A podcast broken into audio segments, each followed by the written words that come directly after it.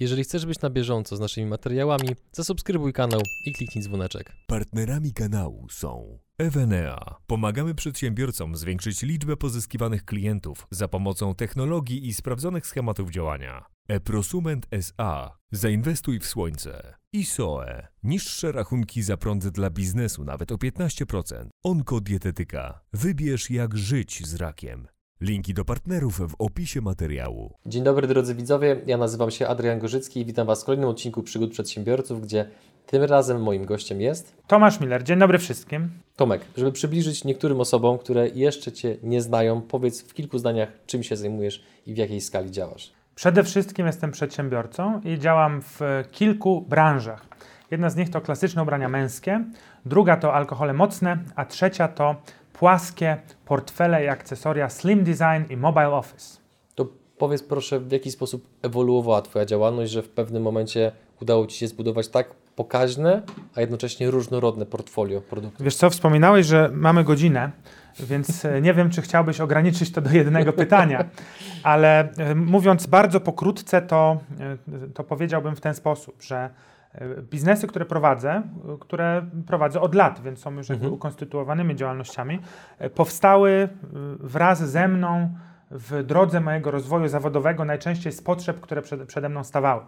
Choć może to dziwnie brzmi, kiedy mam markę wódki i mówię o potrzebach, które przede mną stawały, ale ubrania i portfele właśnie tak powstały. Tak? Czyli bardzo Mhm. potrzebowałem cienkiego portfela, żeby nie być obciążony akcesoriami, więc go wymyśliłem i przez 5 lat sprzedało się ponad 50 tysięcy e, egzemplarzy, Mhm. kopii sztuk tego portfela. E, Natomiast e, w przypadku ubrań było tak, zresztą w ogóle przed chwilą myślałem, że masz dość podobną budowę ciała do mnie, co niesie ze sobą pewne zalety i pewne niebezpieczeństwa. Jako osoba kilka lat starsza mogę Ci to powiedzieć, że możesz być albo e, postawny muskulaturą, albo możesz posiadać, e, e, że tak powiem, objętość w korpusie.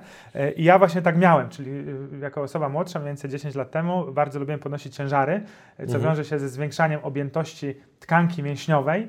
I w pewnym momencie okazało się, że przy wzroście 1,70 m, może powiem od razu, 5 w dowodzie mam 6, nie?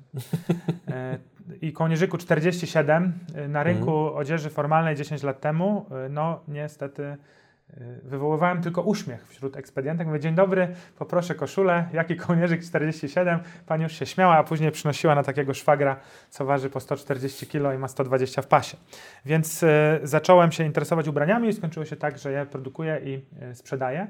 E, I no, mam dość popularną markę. Myślę, że tutaj mogę taki powiedzieć fun fact. To oczywiście nie przekłada się bezpośrednio na, na zależności biznesowe między tymi markami, ale w tej chwili Miller Menswear, czyli moja marka garniturowa, jest e, trzecią marką garniturową w Polsce na Facebooku. Przed nami jest tylko Giacomo Conti i Vistula, także To jest ogromne osiągnięcie marketingowe. no, e, znaczy, e, powiedziałbym, że to jest ogromne marketingowe osiągnięcie wydmuszkowe, e, ponieważ e, myślę, że każdy przedsiębiorca, który e, ma jakiekolwiek doświadczenie w prowadzeniu działalności gospodarczej, rozumie, że jedynym wynikiem e, działalności gospodarczej jest wynik finansowy, a nie wynik medialny, wizerunkowy Mhm. i inny, które oczywiście mogą pomagać, mogą wspierać, mogą napędzać, natomiast e, no, rozmiar fanpage'u nie jest rozmiarem zysku, który jest de facto najważniejszy. No i tutaj na przykład z Wistulą czy z Giacomo Conti, z Giacomo Conti, które mają ogromne sieci sklepów, no równać się nie możemy, więc znamy swoje miejsce w szeregu, ale nie jest to miejsce na takim samym końcu, także tak to mniej więcej wygląda. Mhm. A w którym momencie pojawiła się wódka w kontekście wyzwań, które stawały przed Tobą, czy potrzeb? No tu to rzeczywiście trochę zabawnie brzmi, ja nie chciałbym, e, nie chciałbym tutaj, e, że tak powiem, emanować takim komunikatem, że nagle po prostu stwierdziłem, że za dużo wydaję na alkohol, muszę mieć swój na przykład, to nic, nic z tych rzeczy w ogóle. No jest to, geneza jest trochę złożona, spróbuję ją skrócić, w czym nie ukrywam, nie jestem najlepszy w skracaniu wypowiedzi. Generalnie wygląda to tak, że od wielu, wielu lat zajmuję się alkoholami mocnymi. Z wykształcenia jestem biotechnologiem, wprawdzie diagnostą molekularnym, a nie żadnym bioprocesowcem. Natomiast no, pozwala mi to dość dogłębnie zrozumieć e, procesy stojące zarówno za biochemią powstawania alkoholi, jak i produkcją alkoholi Mhm. pod względem aparatury. Więc e, przez lata zebrałem w tym, w, tym obszarze dość rozbudowaną wiedzę, głównie na alkoholach starzonych, czyli whisky, koniak, armaniak, calvados, rum, tego typu rzeczy. E, No i w pewnym momencie pojawiła się taka koncepcja, że mógłby powstać alkohol pod e, moim nazwiskiem. Tak? Tylko, że ja od razu wiedziałem, że nie chciałbym takiego alkoholu produkować, e, tylko chciałbym ten alkohol selekcjonować, czyli chciałbym wybierać taki spirytus, który jest najbardziej atrakcyjny Mhm. dla konsumenta. No i teraz e, myślałem sobie o tym, jakby to mogło wyglądać i drugie, drugi obszar wykształcenia, który mam, to są tłumaczenia konferencyjne. I to jest zawód, w przeciwieństwie do biotechnologa, który faktycznie po studiach wykonywałem przez kilka lat. Zresztą rozmawialiśmy o tym w kuluarach przed programem. I e, no zawsze miałem takie aspiracje międzynarodowe. Znaczy, bardzo lubię język angielski, sympatyzuję z szeroko pojętą kulturą anglosaską. E, więc e, co na przykład widać, zresztą ty też, nie wiem czy robisz to celowo czy nie, ale mając marynarkę z wyłogami, krawat, poszetkę, koszulę, również sympatyzujesz z kulturą anglosaską, gdzie ubrania te powstały, prawda? Czyli nie w takim stopniu jak ty, ale staram się iść w tym kierunku. Jest to jakaś forma na, na, na. No i tak sobie pomyślałem, ok, mogę zrobić tak, jak e, już niektóre osoby na rynku robią, czyli mogę użyć swojego nazwiska, które akurat w tym świecie whisky ma jakąś tam wagę, nieważne jaką, no ale jakąś tam ma, jakieś zasięgi i na przykład zabutelkować whisky pod moim nazwiskiem, ale wtedy to będzie whisky, która jest tylko dla jednego rynku, tak? No bo whisky szkocka kupowana z kraju, który nie jest Szkocją, już nieważne jaki to był kraj, zawsze będzie miała status niższy niż whisky szkocka kupowana ze Szkocji. I wtedy pomyślałem mhm. sobie, dość łatwo wyprowadzić tutaj analogię, prawda? Jeśli jest jedna rzecz, z której Polska naprawdę słynie, no to jest to Wódka. Jest to wódka. A jeśli jest jedna rzecz, z której Wielkopolska słynie, no to jest to podziemna pomarańcza, czyli inaczej ogolone kiwi, czyli inaczej ziemniak. Mhm. No i pomyślałem sobie, że byłoby wspaniale zrobić tak, żeby powstała wspaniała wódka z ziemniaków. E, ziemniaki to jest takie źródło cukru, które ma nieco inaczej, powiem tak upraszczając tę strukturę e, biochemiczną, molekularną, ma nieco inaczej upakowaną skrobię, czyli źródło cukru do powstania alkoholu. I to pozwala na stworzenie alkoholu nieco innym profilu smakowym. I ten profil smakowy świetnie wpisuje się w potrzeby konsumentów. To znaczy, że spirytus z ziemniaków, mamy takie hasło bardzo dobrze ujmujące całą, całe sedno sprawy, nie otrząsa. Jest słodki kremowy, a nie pieprzny jak spirytus zbożowy. Więc e, pomyślałem sobie, że to się doskonale sprawdza, ponieważ e, jestem rdzennym wielkopolaninem i mówię tej w e, dialogu prywatnym. Do tego, mało tego, nie wiem czy o tym wiesz, że może Bydgoszcz nie jest aż tak daleko. W Poznaniu y, bilety, co się u Was robi w tramwaju z biletami? Kasuje. No u nas się odbija bilety. A guzik, jak y, przyjechałem tu windą z guzikiem, co robicie? Wciskamy. No my wduszamy. I to robi praktycznie każdy poznaniak. I do tego słowo temperówka jest dla nas zrozumiałe, ale mamy tylko szczytkę. Mówicie Więc... bujawka czy bujaczka? Nie znam żadnego z tych słów, teraz się przestraszyłem. To na co trzeba dziecko, żeby... No to jest huśtawka. Huśtawka, tak. okej. Okay. U nas przynajmniej. No. Bo ja pochodzę generalnie ze Żnina, ale mhm. wychowywałem się w Bydgoszczy, więc raczej jest mi bliżej do Bydgoszczy pod kątem okay. komunikacji, mhm. ale czy w Poznaniu mówi się zamiast słowa tak he? Nie. Bo w Żninie się mówi he. Nie. Ale my naprawdę mówimy tej mhm. i y, zdarzyło mi się wielokrotnie, że było to kiedy wyjechałem za Poznań, było to zaskoczeniem, a to jest jakby wielu poznaniaków mm -hmm. ma to we krwi i, i powiedziałbym do kolegi patotej na przykład. Powiedziałbym. Aha. Jest to oczywiście kolokwialne, ale tak, powiedziałbym. Tak, tak, Na czym skończyłem? Coś o alkoholu mówiłem. Tak. O tym, co najbardziej lubię. No tak. No i wtedy pomyślałem sobie, okej, okay, dobra, no to mogę być rdzennym wielkopolaninem, czyli pyrą. Mhm. Pyra za bardzo nie mówimy w Poznaniu tak naprawdę. Mogę być e, rdzennym Polakiem, czyli reprezentantem tego alkoholu, jakim jest mhm. wódka, naszego narodowego alkoholu. E, I wykorzystując moje umiejętności e, związane z komunikacją, z budowaniem marek, a także z wiedzą specjalistyczną, naukową, którą mam związaną z mhm. produkcją alkoholu, mogę stworzyć markę, która jest po prostu mocna i jak na razie to się dosyć dobrze sprawdza. Także tak to wygląda. Jesteś pracodawcą, a może zatroskanym pracownikiem? Twoim biurze nie przeprowadza się dezynfekcji lub jest ona niskiej jakości? Zgłoś swoje miejsce pracy do akcji Bezpieczne Biuro z PSG Polska i wygraj 500 zł na karcie podrękowej do Allegro oraz 3 miesiące bezpłatnej dezynfekcji biura. Wejdź na stronę PSG Polska, łamane na konkurs i prześlij swoje zgłoszenie. Nie zwlekaj. Akcja trwa tylko do 10 października. PSG Polska. Eksperci od usuwania zagrożeń biologicznych i chemicznych. No i właśnie zanim przejdziemy do marketingu, bo mam sporo pytań w związku z tym tematem, to chciałbym jeszcze zapytać, bo mm, zgodzisz się pewnie z tym, że masz bardzo rozwinięty sposób komunikacji. Bardzo ciekawie budujesz zdania, używasz nietypowych słów i mówisz w taki sposób, który w mojej ocenie bardzo rzadko się spotyka, że nieważne o czym byś mówił, to przyjmie się ciebie słucha. To jest komplement. No dziękuję, bardzo mi miło. I tutaj e, pytanie, które się pojawia, ta zdolność, umiejętność, ona jest wrodzona, czy ją wyrobiłeś? A jeżeli wyrobiłeś, to w jaki sposób? Jest wrodzona i oszlifowana. Mhm. Czuję wewnątrz siebie, że kocham mówić. że ja to lubię robić, mi to sprawia przyjemność. Kiedy mówię coś do kogoś i, i mówię szczególnie o jakiejś nowej materii i widzę, że ta osoba zaczyna ją rozumieć, zaczyna się interesować, jest to dla mnie wielka przyjemność, taka naturalna i jakby mógłbym Mhm. to robić naprawdę dużo i długo. Więc e, tak to wygląda, ale istnieją pewne narzędzia związane z występowaniem publicznym, bez posiadania których to by nie mogło w ten sposób e, wyglądać. I ja te narzędzia zdobyłem w pewien sposób przez przypadek, ponieważ, e, tak jak powiedziałem, sympatyzując z językiem angielskim, e, miałem po studiach, kończy, kończąc biotechnologię, e, dysponowałem certyfikatem CPE, to jest Certificate of Proficiency in English z Uniwersytetu Cambridge. Mhm. I wydawało mi się, że to już jest jakby dobrze. Tak? No i faktycznie, jeśli bym był jakimś na przykład, nie wiem, takim powiedzmy reprezentantem wyższego managementu w korporacji, no to to jest dobrze, bo mógłbym z każdym rozmawiać Mhm. po angielsku. Natomiast e, dostawszy się na studia tłumaczeniowe, które e, prowadzone były pod, e, można powiedzieć, wodzą takiego bardzo utytułowanego tłumacza Witolda Skowrońskiego, który e, zresztą dzisiaj jest już, e, może, można powiedzieć, był moim kolegą po fachu, no bo ja już tego zawodu nie wykonuję, chociaż, e, chociaż nie mogę się równać tutaj zasługami, e, bo Witold tłumaczył chyba wszystkich polskich prezydentów i ma w swoim gabinecie zdjęcia, nie wiem, z Margaret Thatcher, czy z królową Elżbietą II, czy z Clintonem, Bushem, no naprawdę dużo takich rzeczy wykonał. E, I wydaje mi się, że, że od niego udało mi się podłapać nie tylko narzędzia, narzędzia związane z mówieniem, ale także z pewnego rodzaju taką, takim sposobem komunikacji i ogładą tego mówienia. I tam udało mi się też pozbyć tak zwanych jęków namysłu. Wiesz co to jest? Yy, To są właśnie te e, e. I te jęki namysłu mocno przeszkadzają, ale idzie je wyeliminować, wydaje mi się, dość łatwo. Jeśli zaczniesz o tym myśleć bardzo intensywnie mówiąc, nie zrobisz tego w jeden dzień, ale na przykład w trzy miesiące tak.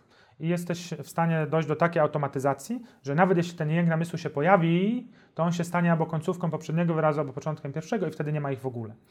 I wtedy taką setkę, którą nagrasz do programu, możesz nagrać przez 30 minut, bo nie ma tych jęków namysłu. Nie? Także tak to wygląda. I do tego y, wydaje mi się, że jeszcze takim ważnym narzędziem, czuję, że ten wywiad będzie mocno pocięty, bo on potrwa długo. y, Mi wydaje mi się, że takim, takim mocnym y, i istotnym narzędziem jest też zarządzanie intonacją. I tu nie ma żadnych y, jakichś trików ani oszustw. Wszystko, co trzeba wiedzieć, to że pytanie kończy się intonacją wznoszącą, czyli jeśli kogoś y, o coś pytasz, to na przykład, czy chciałbyś kawę? I nie możesz do niego powiedzieć, czy chciałbyś kawę? No bo wtedy to pytanie znaczy coś zupełnie innego, prawda? A zdanie twierdzące musi kończyć się intonacją opadającą. Jakkolwiek banalnie błaho to, brzmi, naprawdę niewiele osób e, te proste zasady komunikacji stosuje. Mhm. Robiąc to, czyli mówiąc klarownie, wyraźnie intonacją zaznaczając, kiedy jest koniec jednego komunikatu, a kiedy początek następnego i do tego unikając tych jęków namysłu, które przeszkadzają, tak samo jak i unikając niektórych rzeczy, tak jak wspominałeś mi przed, e, przed programem, żebym nie zaznaczał, że coś, co jest moje, e, zaznaczam biciem się w pierś, ponieważ wtedy e, dźwiękowiec Marcin mógłby dostać zawału serca od uderzenia w słuchawkach. Tak samo w kabinie tłumaczeniowej na przykład należy bardzo mocno unikać wszelkiego rodzaju, my na to mówimy pocałunki, czyli cmoknięć. Bo jeśli masz włączony mikrofon i słucha cię na przykład 600 delegatów, a ty nagle mówisz, no, no tak, on tak mówił, no to wtedy mam nadzieję, że to już dobrze to obrazowało, było nieprzyjemne dla widzów, tylko w celach obrazowania oczywiście. Natomiast jest to, jest to też taki, powiedziałbym, problem. Mhm. No więc e, te umiejętności, no i oczywiście kilka innych związanych z e, jakąś pewnie synonimią, z e, jakimiś takimi właśnie możliwościami wykorzystania rozmaitych wyrazów, które pozwalają unikać powtórzeń. Myślę, że one sprawiają, że, że ten język wydaje się bardziej atrakcyjny. Tak? Z Na czego- ile bardziej atrakcyjny, nie wiem. A z czego się bierze twoje właśnie bogactwo językowe? Bo już jakby zauważyłem już kilkukrotnie i przed w kuluarach i teraz w trakcie rozmowy, że używasz często słów, które są bardzo rzadko spotykane w Wiesz języku co, Adrian, polskim. trochę za bardzo mi słodzisz chyba. Ja myślę, że zresztą to mi się czasem zdarzy, że nagrywam też czasem odcinki w języku Mhm. angielskim, nie dlatego, że aspiruję do podbicia y, angielsko czy anglojęzycznego YouTube'a, tylko dlatego, że na przykład y, zdarza mi się nagrać wywiad z kimś, kto y, na przykład z producentem whisky, z master blenderem y, i wydaje mi się, że to, że to po prostu działa w ten sposób, że za każdym razem, kiedy pojawia się tam jakiś albo językoznawca, albo filolog angielski, to znajduje 48 miejsc, w których mógłby się tam do mnie przyczepić i chętnie to robi i, i, i tłumaczy też, gdzie popełniam błędy, jakich słów używam niezgodnie z ich polem semantycznym i tak dalej, i faktycznie tak jest, ale ja jestem praktykiem, a nie teoretykiem i uważam, że język musi działać. Jeśli język przekazuje komunikat, to znaczy, że jest skuteczny i wtedy ten język jest nie Mhm. teorią, tylko praktyką. Natomiast y, y, bardzo bym prosił, żeby, żebyśmy nie szli w taką stronę. Ja nie chciałbym się w tym pławić, ani chełpić, że Jasne. jestem jakimś nie wiadomo jakim gościem, bo ja na studiach tak naprawdę to miałem wszystkie rodzaje biochemii, a nie wszystkie Mhm. rodzaje językoznawstwa i, i, i tego To, to przejdźmy w tym Tak. temacie z salonów do trochę niższego poziomu. Przeklinasz? No pewnie. A jakie jest twoje ulubione przekleństwo? Chciałeś kontrast? Proszę bardzo. Wiesz co? Myślę, że to działa w ten sposób, że przekleństwa mają swoją funkcję Mhm. i wyrażają one emocje z pewnego obszaru życia, prawda? Można powiedzieć, że to są y, emocje albo skrajnej radości rzadziej, no albo skrajnej złości, agresji, niechęci, nienawiści i tak dalej. I I w tych momentach przekleństwa są spoko, są akceptowalne. Gdybym przeżył przed kamerą coś absolutnie ekstremalnego, ale to nie, nie, nie, że zachęcam, czy zapraszam, czy, To właśnie jak już zacząłem myśleć. Wiem, że trenujesz Krav Maga, więc A nie ty jiu-jitsu. To... Tak, to prawda. E, I, I generalnie e, wydaje mi się, że nie wiem, na przykład, gdybym nagrywał setkę na YouTube'a w samochodzie i nagle miałbym niemalże wypadek samochodowy, być może przeklałbym przed kamerą. Mhm. W tej sytuacji nie wydaje mi się, że, że jest taka potrzeba. Nic nie wygram, nic nie dowiodę i nic nikomu nie pokażę tym. Natomiast, e, natomiast no oczywiście myślę, że myślę, że e, to jest zupełnie normalne, prawda? Jeśli przekleństw używa się zgodnie z ich funkcją, Mhm. to one są w porządku. To wróćmy teraz do tematów bardziej biznesowych. Mm, Jesteś osobą, która mm, z mojej perspektywy bardzo mocno rozumie kwestie marketingowe i brandingowe. E, Natomiast ten poziom jest, uważam, że na tyle wysoki, że nie chciałbym, żebyśmy od razu od niego zaczynali, tylko bardziej, żebyśmy zaczęli od momentu, kiedy ty ten marketing zacząłeś w ogóle wchodzić. Jak wyglądały początki właśnie marketingowe, Mhm. które pozwoliły ci po iluś latach pracy i działalności dojść do takiego poziomu, na jakim jesteś obecnie. I tutaj, Mhm. jeżeli mógłbyś opowiadać, to proszę, żebyś mówił z takiej perspektywy, aby nasi widzowie i słuchacze mogli chociaż część z tych rzeczy, wniosków, przemyśleń wdrożyć u siebie. Mhm.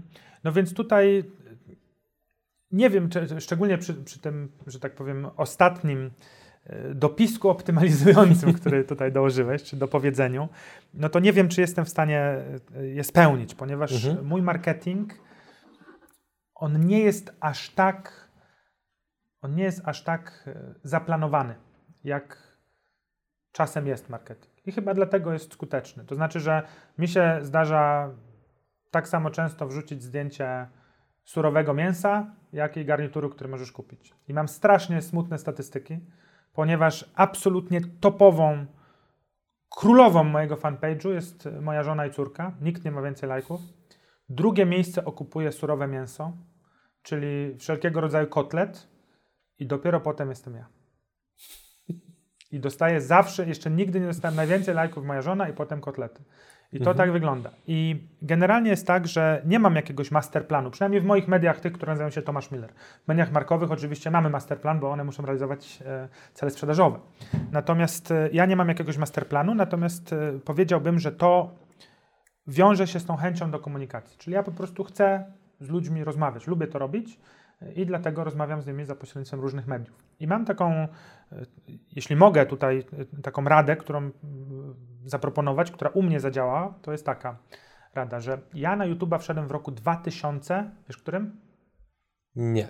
A jak myślisz? Albo kiedy o mnie usłyszałeś? 3-4 lata temu. No to wszedłem w 2009 i nagrałem film Jak nagrać whisky, nie, przepraszam, jak, e, jak Mhm. pić whisky. I ponieważ nie, ja miałem absolutnie żadnej wiedzy o YouTubie, zresztą nikt wtedy nie miał, bo to był jakby początek YouTube'a w Polsce. Mhm. Natomiast e, nagrałem film Jak pić whisky i nie miałem żadnej wiedzy o YouTubie, ale miałem już te wszystkie rzeczy, o których przed chwilą powiedzieliśmy. Czyli byłem gościem, który ma serce do mówienia, ma te predyspozycje już, już w trakcie szlifowania, bo wtedy Mhm. akurat studi- studiowałem i, i byłem mocno, że tak powiem, musztrowany na przedmiotach typu występowanie publiczne, czy tłumaczenia konferencyjne i tak dalej. I ten film wszedł na wykop i on po jednym dniu miał chyba 60 tysięcy wyświetleń, co na rok 2009 było wynikiem Astronomicznym. nie wiem, czy była karta na czasie, ale, ale no był naprawdę mocny. Tylko, że ja wtedy powiedziałem, no ale mnie tu nagrywa gość taką kamerą do kręcenia wesel. Ja siedzę w domu u siebie w dużym pokoju na kanapie i to jest takie nieprofesjonalne. Więc rezygnuję. Naprawdę? Naprawdę. Nagrałem jeszcze pięć odcinków chyba i jak doszło do pokazywania, chciałem wtedy pokazać koktajle y, i doszło do, do pokazywania tych koktajli, gdzie potrzebne na przykład była, wyobrażam sobie, że będzie szyna, która się przesunie przy koktajlu i to się dało zrobić, ale koszty produkcji były takie, że po prostu nie byłem w stanie bez mechanizmu sprzedażowego stojącego za y, tą treścią realizować tego w sposób Mhm. sensowny. I zaniechałem tego. I pomyślałem sobie, że ja będę pisał bloga. Tylko, że okazało się, że rzeczywistość, że tak powiem, e, postawiła mnie do pionu w taki sposób, że moje słowo mówione, bo język pisany i język, język mówiony to są dwa różne języki, zupełnie inne. Gdyby ktoś teraz zrobił transkrypcję tego, co ja mówię, zapisał to wszystko, wyjdzie bigos. Tak musi być. Tak można poznać, czy ktoś mówi z promptera. Jeśli to, co ta osoba mówi, mówi pięknie, można zapisać tak, że są przecinki, kropki, wszystko pasuje, to znaczy, że jest prompter, prawda? Więc e, no, no i, i sobie pomyślałem, no to ja będę pisać, bo to jest bardziej profesjonalne, bo zrobię zdjęcia, bo tutaj, bo głębiej ostrości, bo zrobię takie zdjęcia, jak teraz portret w iPhone'ie, czyli butelka będzie wyostrzona z przodu, a tło będzie rozmyte i to super wygląda, jak w gazecie i w ogóle.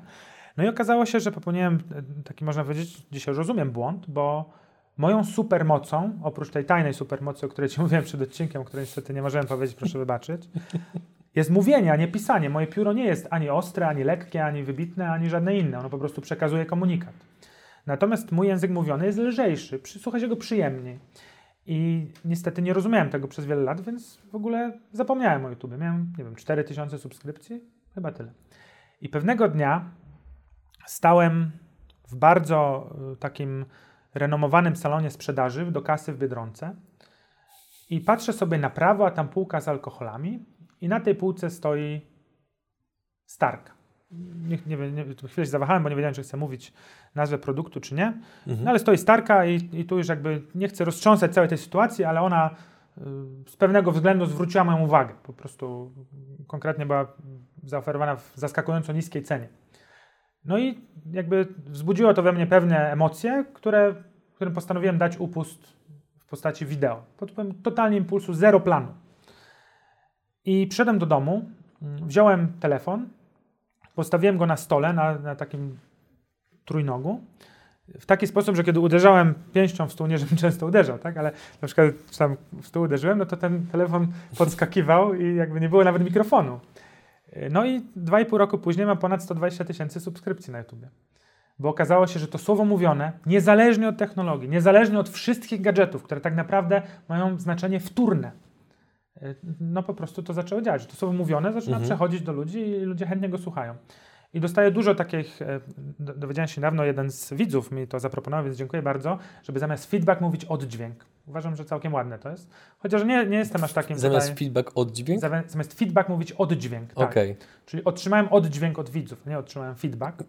Bo wiesz, to te, na pewno ciebie też spotka, jest taki problem, że kiedy mówisz e, zbyt dużo, czy używasz zbyt wielu anglicyzmów, no to, to jakby jest to, może być to źle widziane, tak? Z różnych powodów. Zdarzyło mi się to już słyszeć kilka razy, natomiast być może niewłaściwie, ale ja wychodzę z założenia, że język ma służyć mi, a nie ja językowi, więc jeżeli coś jest dla mnie łatwiej powiedzieć, to to I, i do, do tematu tego można podejść na, No. na dużą mnogość sposobów. zgadza się. Zwłaszcza, że w nie wszystkich obszarach, szczególnie biznesowych, język polski jest dość elastyczny lub dość aktualny, prawda? Mhm. Bo feedback funkcjonuje od wielu lat, ale teraz mi się spodobało mówić oddźwięk. Mhm. Co nie znaczy, że nie mówię break-even na przykład, bo mówię, tak? Mhm. I koniec. Więc e, tak to wygląda. I dostałem, właśnie- dostaję często taki oddźwięk, że nawet gdybym nagrał degustację majonezu winiary, to i tak moi widzowie chcą oglądać, co jest dla mnie super miłe, choć super mógłbym nie mówić. Już teraz widzisz, tak podkręciłeś teraz te standardy językowe i niepotrzebnie może trochę je usztywniam i, i śrubuję w górę. Jest to dla mnie niezwykle miłe, e, ale powiedziałbym, że to właśnie pochodzi z takich jakichś predyspozycji naturalnych, których się nie wybiera. Ale to jedną rzecz, którą chciałbym dodać, żeby był ten element rady. Powiem do kamery, bo tam mówię, że są widzowie. Drodzy widzowie, takie predyspozycje naturalne ma każdy. Każdy. Tylko nie każdy w tym samym obszarze. Ktoś może pięknie mówić, ktoś może pięknie pisać, a ktoś inny może być ultra zorganizowanym gościem. Jest jedna ultra ważna zasada w życiu. Ciężka praca pokona talent, jeśli talent nie pracuje ciężko.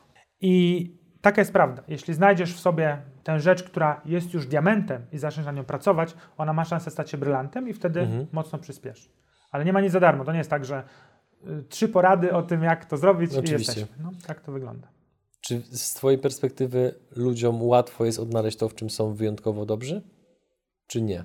Nie wiem, bo nie jestem coachem, nie wiem co Mhm. powiedzieć teraz, żeby, żeby wszystkich zmotywować. Ja myślę, że to jest takie coś, co czujesz w sobie, Mhm. że, że są takie obszary życia, w których po prostu widzisz, że one przychodzą ci łatwo. I to w tych obszarach, moim zdaniem, dobrze byłoby, dobrze było się rozwijać, bo tam jest największa szansa na ten, znowu anglicyzm handicap, największa szansa na to, żeby łatwo wygrać z innymi. A szczególnie jeśli swoją działalność chcesz przenieść do biznesu, to ta, ta przewaga konkurencyjna jest kluczowa. Bez przewagi konkurencyjnej, no w zasadzie bardzo ciężko jest, y, może nie funkcjonować, ale zacząć. Tak? Mhm. Dobra, to powiedzmy, że kwestie komunikacyjne mamy omówione dość szeroko. Skupmy się przez chwilę chociaż na YouTubie. Załóżmy, że mamy przedsiębiorcę, który chce swoją firmę na YouTube'a wprowadzić, ale nie ma aż takich umiejętności komunikacyjnych jak na przykład ty. To co z twojej perspektywy jest kluczowe, wprowadzając swoją firmę na YouTube? Masz w tym dość duże doświadczenie. Nie wiem, czy ja jestem y, dobrą osobą, żeby o to zapytać, bo ja w jakiś sposób zrobiłem to, o co pytasz, czyli wprowadziłem swoje marki na YouTube'a, ale y, większość moich widzów to rozumie, nie wszyscy. Ja płacę treścią, czyli daję najlepszą treść, jaką potrafię, w zamian za możliwość wspomnienia o swoich markach. Tak to robię. Mhm. I, I bez tej treści to by nie miało sensu. Bo gdybym pojawił się na YouTube i powiedział: Dzień dobry Państwu, dzisiaj chciałbym zaprezentować granatowy garnitur, który ma dwa guziki i te dwa guziki wykonane są z orzecha korozo lub progu bawolego i mają odpowiednie opozycjonowanie oraz szerokie wyłogi, skośną kieszeń piersiową i płytką pachę i wąski rękaw. I co, i to interesowałoby stosunkowo wąskie grono osób. prawda? Większość nerwowo by szukało krzyżyka. Mm, Na przykład, tak, jak, jak, jak już, niech on już przestanie. Sz- Szkoda, że kliknąłem. Mhm. Więc mam tutaj odpowiedź, która niestety jest klisze. Content is king. Jak już Mhm. mamy mm, używać tych anglicyzmów, to, to to jest odpowiedź, że ludzie chcą słuchać każdego, każdego, kto ma do opowiedzenia coś ciekawego i jeszcze te, tę ciekawą rzecz można dwukrotnie uatrakcyjnić albo pięciokrotnie uatrakcyjnić, jeśli dopuścimy do siebie tę taką, ktoś mi to kiedyś powiedział, bardzo lubię to, to sformułowanie, mózg człowieka jest tak zaprogramowany, tak wyewoluował, wyewoluował, że nie jest w stanie oprzeć się historii. Jeśli masz historię, albo jeśli ja przychodzę do ciebie z historią, to twój mózg, on tak działa, że on chce jej słuchać. Tak jakby tu było ognisko, a my byśmy mieli na sobie skóry, y, czy tam, no dobra, może już niech, niech, niech tkactwo wyewoluuje i mamy na sobie jakieś płócienne worki i po prostu y, nie wiem, mamy do porozmawiania tylko jak rosło zboże albo co upolowaliśmy, a nie ma iPhone'a, komputera, internetu i tak dalej. I ja mówię tobie, słuchaj, byłem tam na wybrzeżu trzy dni drogi stąd i nie uwierzysz, bo na plaży leżało. I ty już po tym jednym zdaniu chcesz wiedzieć, stary, co tam leżało. Tak? Mhm. I, i, ja bym powiedział, że historia i treść to są te dwie rzeczy, które gwarantują, e, Mhm. które, gwarantują które, które dają nośność, które, Okej. po, które, pozwalają, które pozwalają się nieść komunikatowi. To pozostając właśnie w anglicyzmach, to czy takie kompetencje storytellingowe ty rozwijałeś przed YouTube'em, czy w trakcie? Jakby zauważyłeś, że to właśnie szczególnie No i to jest działa? właśnie dla mnie, bo ja często jestem o to pytany w kuluarach i, i wielokrotnie rozmawiałem z osobami, które zajmują się storytellingiem i nawet trochę mi przykro, trochę mi teraz smutno i nie chciałbym zawieść widzów, ale ja nie mam o storytellingu bladego pojęcia. Nie czytałem o tym ani jednej książki, nie znam ani jednego buzzword z tego, e, z tego zakresu. I Mhm. Typu luka informacyjna? i, i- na przykład, tak. Nie, nie, Mhm. ja nie wiem, co to jest. I nie, nie, nie umiem teraz jakichś myślników wypisać. Czasem sobie myślę, że może powinienem to zrobić, bo może to mogło poprawić moją grę. Ale na razie tego nigdy nie Mhm. zrobiłem i nie, nie, nie, nie potrafię powiedzieć, co trzeba zrobić. Luka informacyjna to jest to, co powstało w głowie widzów oraz w mojej, kiedy powiedziałeś, że na plaży, na plaży O, leżało... właśnie, tak, tak, tak, coś. tak, tak. I Co są, leżało? są osoby, które się w tym specjalizują y, i jest to, y, z tego co wiem, gałąź wiedzy, która, która jest jak najbardziej możliwa do zrozumienia. Tak? Natomiast y, wygląda na to, że ja na razie nie musiałem tego robić, ale to, żeby, żeby była jasność, nie dlatego, że jestem taki wspaniały i taki genialny i tak mi mocno rośnie broda, tylko dlatego, że w tym obszarze po prostu mam jakąś naturalną taką smykałkę, tak? Ale za to rozumiem doskonale, że muszę pracować w innych obszarach, żeby być, żeby być cały czas e, aktualny, tak? żeby cały czas istnieć. Poz- Bo, bo na przykład, jeszcze tylko dokończę, Mhm, proszę. świetnie jest, kiedy masz doskonałą treść, ale jak doskonale wiesz, YouTube lubi regularność. Więc potrzebna jest też ta ciężka praca, prawda?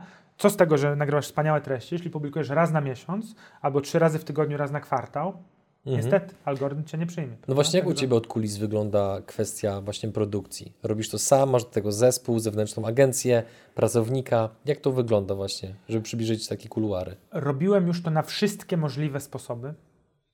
Od, e, od sposobów ultraprofesjonalnych do sposobów chałupniczych, o których przed chwilą e, wspominaliśmy. I generalnie najlepiej mi to wychodzi tak, e, tak średnio. W sensie, kiedy jest tak pół na pół. To znaczy, że kilka razy Amerykanie to mówią: don't fix what ain't broken. Nie naprawiaj rzeczy, które się nie popsuły. Ja już wiele razy naprawiałem rzeczy, które nie były popsute i bardzo tego unikam. Pierwszą tak, takim, tak, taką sytuacją było to, co powiedziałem o moim pierwszym odcinku. No skoro kręciłem wielodziesięciotysięczne oglądalności w 2009, to, to po co rezygnować? To nie było zepsute, to działało. Mhm. Tylko moje wyimaginowane kryteria to nie spełniało moich wyimaginowanych kryteriów. Więc powiedziałem, ok, to nie, to, to w takim razie ja tego nie będę robił. Co było błędem. Trzeba było to robić. Tylko ja wtedy w ogóle, y, obcując, kiedy byłem tłumaczem, y, miałem taką dziwną sytuację, może w innym miejscu, w innym czasie jakieś opowiem, tak? ale zacząłem natychmiast po rozpoczęciu kariery zawodowej obcować z biznesem na absolutnie topowym poziomie. Tłumacząc konferencje, negocjacje, spotkania, czasem polityków. I ja sobie wtedy myślałem, jaki YouTube? YouTube to nie jest miejsce, w którym można realizować jakieś cele biznesowe. Ja miałem taką, prowadziłem biuro tłumaczy, miałem ambicję być tłumaczem. I dopiero po jakimś czasie to zrozumiałem, że YouTube jest tym miejscem, w którym można realizować cele biznesowe, tylko że on nie oczekuje, ja nawet to powiem do widzów, YouTube nie oczekuje jakości telewizyjnej. YouTuber nie może być kopią telewizji, bo to nigdy nie wychodzi, bo to Święte zawsze słowa. wychodzi żenująco. YouTube oczekuje, żebyś miał selfie sticka, żebyś miał, żebyś miał telefon i żebyś do niego gadał, idąc przez Pakistan na przykład. Tego oczekuje YouTube. Albo przez inne odjechane miejsca podróżnicze, albo żebyś e, robił coś, co jest wiarygodne. Tak? Czyli na przykład, kiedy ja kupiłem sobie e, whisky, która ma pieszczotliwy pseudonim Złota Locha, kiedy kupiłem sobie złotą lochę, postawiłem ją na biurku, nagrałem komórką, jak ona mi smakuje, to to jest wiarygodne. Gdybym wyszedł zapudrowany do tak pięknego studia i powiedział, dzień dobry, zapraszam na niezależny test whisky, no to ta wiarygodność nagle spada, Mhm. prawda? Bo oni powiedzą, no e, przepraszam, pan to niezależny test whisky, ale piękne studio. Czy jest za tym jakiś mechanizm komercyjny, prawda? No od razu to się nasuwa. Więc, e, więc tak zaczęło to działać. I co? I, i, I do czego piję? Stworzyłem format, który działa. I również zacząłem go w pewnym momencie naprawiać, niepotrzebnie. Bo mi działa format, który trwa pół godziny do godziny Mhm. i mówię do komórki. I oprócz tego, że pod każdym filmem na YouTubie na świecie jest napisane, że dźwięk słaby i trzeszczy mi w słuchawkach, nieważne jak dobry był mikrofon, to ten format mi działa. Więc nie chciałbym z niego zrezygnować, cały czas go realizuję. Ale do tego mam ambicje takie, że nie chciałbym być tym gościem od whisky. Nie chciałbym nim być. Przepraszam, jeśli moi widzowie oglądają i teraz zadałem jakiś ból w serduszka, to przepraszam za to. Czemu nie chcesz nim być? Smoknąłem teraz, to z wrażenia. Emocje są prawdziwe. Pierwszy raz to mówię, nigdy się tak nie otworzyłem. Bo whisky nie jest całym moim światem. Jestem w tym dość mocnym gościem y, i faktycznie przeszedłem przez dużo etapów obcowania z whisky, ale one nie jest całym moim światem. Więc y, y, chciałbym, żeby mój YouTube pokazywał te rzeczy w moim życiu, którymi się naprawdę pasjonuję. I nawet mam niesamowicie ciekawą anegdotę z tym związaną. Może ona jest taka ciekawa dla mnie, mam nadzieję, że dla innych też będzie ciekawa. Posłuchaj, właśnie kilka dni temu wróciłem ze Szkocji. I w tej Szkocji byłem przez dni 12 i pojechałem w takie obszary, które są, powiedziałbym, nie aż tak bardzo turystyczne, czyli to się to się nazywa Northwest Highlands, północno-zachodnie Highlands i wyspy. I w tejże, w tejże podróży odwiedziłem przez 12 dni dwie destylarnie. Śmiałem się nawet z kolegami, że kiedy pierwszy raz byłem w Szkocji, przez dwa dni odwiedziłbym 12 destylarni, bo to jest właśnie na Face'a, tak? Czyli tu zaliczam, jest, byłem youtuber, który był w 50 destylarniach, ocenia whisky z marketu i mówi, czy jest dobry. Tak? Nie, już to kompletnie jestem poza tym, bo Szkocja jest 48 razy piękniejsza niż kolejna destylarnia. No i w tej destylarni, w, tej, w, tej, w tejże Szkocji, byłem z żoną i z moją 11-miesięczną córką. I największym dla nas wyzwaniem w całym tym wyjeździe było to, że dla mojej córki była to pierwsza podróż samolotem, a do tego przejechaliśmy półtora tysiąca kilometrów samochodem. Wyobrażam sobie, że jeśli ktoś nie ma dzieci, ma to głęboko w nosie i w ogóle nie mam tej osobie tego za złe. Ale ja nie mam, bo to jest obecnie moje życie. I nagrywałem vloga właśnie o tym. Czyli nagle, i mało tego, nawet zdałem sobie sprawę, że moja córka chodzi spać 9, 10 i wstaje 7 rano na przykład, więc wytyczyła nasz rytm życia i zdałem sobie sprawę, że przez całe te dwa tygodnie wypiłem zawrotną liczbę dwóch kieliszków whisky, kręcąc dwa odcinki w dwóch destylarniach. Może jeszcze dwa piwa i, i parę Mhm. tam kieliszków ginu czy coś takiego, również w destylarniach. I e, publikowałem liczne treści e, na, w moich mediach społecznościowych z tym związane i te treści były żniwiarkami do lajków. To znaczy, że jeśli chodzi o zasięgi i liczbę lajków, naprawdę jak na mój fanpage to było bardzo dobrze. Tak? Na mój fanpage w tej chwili dobrze, no, jako osoby zainteresowane, e, że tak powiem, Facebookiem, reklamą na Facebooku, to jest e, u mnie powyżej 500 lajków na zdjęciu i powyżej 30 tysięcy zasięgu to jest dobrze. Nie? No to u mnie prawie wszystkie posty z wakacji to, mm, to spełniały. I liczba fanów na tym fanpage'u regularnie spadała o 2 i wzrastała o 2, spadała o 2 i wzrastała o 2. I w sumie, nie wiem, wynik netto może mam po tej całej Szkocji 20 fanów więcej, może albo 15. Bo zachodzi wymiana. Ludzie, którzy chcieli mnie oglądać, kiedy piłem złotą lochę, mówią, panie, ale co mnie to obchodzi, że tam gdzieś stoisz przy jakimś krzaku? Nie obchodzi mnie to. Nara. A ktoś mówi, ale super, gość pojechał do Szkocji. Ja też chcę i go lubię. I zachodzi taka, taka wymiana i mi ona pasuje. Mhm. Bo moje media są o mnie i jakby to teraz u mnie słychać i o tym chcę, o tym chcę najbardziej mówić. Więc nie chcę być tym gościem od whisky, bo nie tylko whisky. Chcę być też gościem od ubrań, chcę być też gościem od podróży, może trochę od przedsiębiorczości. Wczoraj nagrałem odcinek o przedsiębiorczości, opowiadając historię portfeli, o których wspominałem i on się spotkał z bardzo gorącym przyjęciem. Aż jestem zaskoczony, że, że tak dobrze go dobrali fani. To teraz tutaj Więc- właśnie pojawia się u góry link do A, tego no to odcinka. bardzo fajnie, dziękuję. Historia prawdziwa. Więc, e, więc tak to wygląda i chciałbym, chciałbym Mhm. mam taką ambicję, żeby zostać, nie wiem, chyba youtuberem lifestyle'owym dla mężczyzn po 30, którzy mierzą się z takimi problemami jak ja. Mhm. Nie mierzę się z takimi problemami jak wszyscy mężczyźni świata. Mi już mniej zależy, żeby być piękny, mniej mi zależy, żeby, nie wiem, ładnie wyglądać na plaży bez koszulki, ale bardziej mi zależy na przykład, żeby zjeść super steka, żeby znaleźć dobrą restaurację, żeby pojechać w świetne miejsce, żeby znaleźć miejsce, w którym mogę świetnie zorganizować czas z żoną, ale tak, żeby było ciekawe miejsce dla dziecka. To są rzeczy, które w tej chwili mnie interesują i wolę o tych rzeczach mówić niż Mhm. tam o innych. No, tak to wygląda. To ja jeszcze podrążę. To jak wygląda u Ciebie proces produkcji? Nagrywasz sam, Mhm. Aha, no montujesz tak, sam, tak. publikujesz Nie, nie, sam? nie, nie, nie, czy po prostu nagrywasz i oddajesz do kogoś? Jak to wygląda Tak, to, technicznie? to, to w tej chwili wygląda w ten sposób, że w mojej firmie pracuje montażysta, który zajmuje się, montażysta i operator, który zajmuje się montażem moich materiałów. I jest to sytuacja trochę śmieszna, ponieważ lwia część moich materiałów jest nagrana jako jedna setka. Czyli na przykład trwa 30 minut i nagrywamy ją tak, jak teraz nagrywam ten wywiad, czyli nie ma przerw. Więc montaż polega najczęściej na tym, że kiedy mówię o czymś, co się działo i na przykład było na fejsie zdjęcie z tego, to wstawiamy tam to zdjęcie jak w PowerPoincie pokaz slajdów. Mhm. Y, Cięcia są raczej rzadkością i ewentualnie są cięcia, jak na przykład, y, bo y, zdaje się, że wykręcicie takim samym aparatem jak ja, on ma takie ograniczenie po 30 minutach, przynajmniej mój tak ma, nie wiem, czy to można zmienić, czy nie. I czasem słyszę, że on przestał i muszę wtedy zrobić cięcie. No to, to, Mhm. to, więc jest to przyjemne w montażu. Natomiast y, y, w myśl zasady, żeby nie naprawiać rzeczy niezepsutych, nie chcę z tego rezygnować, bo to mi działa i jest duża grupa osób, która się tym interesuje, ale również realizuję odcinki, y, ja bym takie na nie powiedział trochę, no właśnie takie tabloidalne, tak? czyli takie odcinki nastawione na ekspansję społeczności w stylu właśnie, nie wiem, ostatnio nagrałem jak, jak zamawiać whisky like a boss. I trochę mi wstyd, że nagrałem odcinek pod takim tytułem. Natomiast treść tego odcinka jest treścią, która jest jak najbardziej, Mhm. mam nadzieję, wartościowa i podpisuję się pod nią wszystkim, czym mogę się podpisać. Mhm. A jaką regularność masz publikacji? Jedny w tygodniu? Dwa, trzy razy w tygodniu. Dwa, trzy razy w tygodniu. To jest chyba całkiem sporo, jak na standardy Trzy razy to jest sporo, częściej dwa, no nie chciałbym tutaj szafować, częściej Mhm. dwa. No. I teraz jak Ci się to przekłada na biznes? Możesz coś, coś więcej o tym opowiedzieć?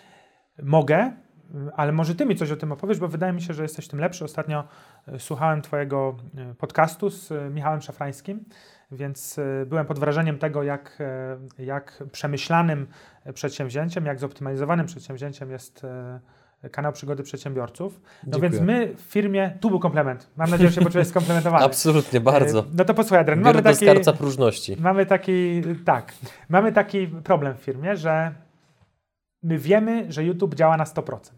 Na 100%. Korzystamy ze wszystkich innych form reklam dostępnych, tak? Mhm. czyli Google AdWords, Facebook Ads i tak dalej, Instagram. I znamy się na lejkach, konwersji, wszystko wiemy, rozumiemy, tylko że nie ma tego miejsca, które można zmierzyć. Nie ma go. I praktycznie codziennie spotykam osoby u siebie w sklepie, które mówią, panie Tomku, oglądałem ten odcinek, tamten, pan tam powiedział, że to. Zdarzały się nawet takie sytuacje, że ktoś oglądał odcinek sprzed trzech lat i mnie pytał o coś, co ja tam powiedziałem, a ja nie mam zielonego pojęcia, co tam powiedziałem, bo to było dawno, ja dużo gadam. I, i wiemy na 100%, że to działa, ale nie, nie możemy tego zmierzyć. No, robimy takie rzeczy, y, żeby ktoś nie myślał, że jesteśmy takimi jakimiś Januszami marketingu. Wiadomo, że mamy UTM-y, Bitly, że możemy zmierzyć kliknięcia w opisach, linki i tak dalej, ale to jest kompletnie niewspółmierne do efektu, który my odczuwamy, który nam się wydaje, że to jest ten efekt, Mhm. ale niestety nie jesteśmy w stanie go ukazać w taki sposób mierzalny, że spójrz, nagrałem ten odcinek i ten odcinek sprawił, że to. Natomiast e, w taki sposób miękki, to czuję, że ten, że ten YouTube mi, mi wchodzi do firmy oknami, drzwiami Mhm. i wszystkim innym, że, że działa. Kiedyś Działa. mieliśmy taką rozmowę, chyba, z, jak dobrze pamiętam, z Karolem Sadajem, który poda- podał bardzo ciekawy przykład, że kiedy oni bodajże, e, on chyba jeszcze wtedy pracował w Pepsi albo w Lays, to kiedy mierzyli właśnie różne kanały marketingowe, to wyszło im, że powiedzmy tam koszt kliknięcia czy konwersji z, z Google'a jest na poziomie powiedzmy 3 zł, Facebooka 5, a YouTube to jest 15.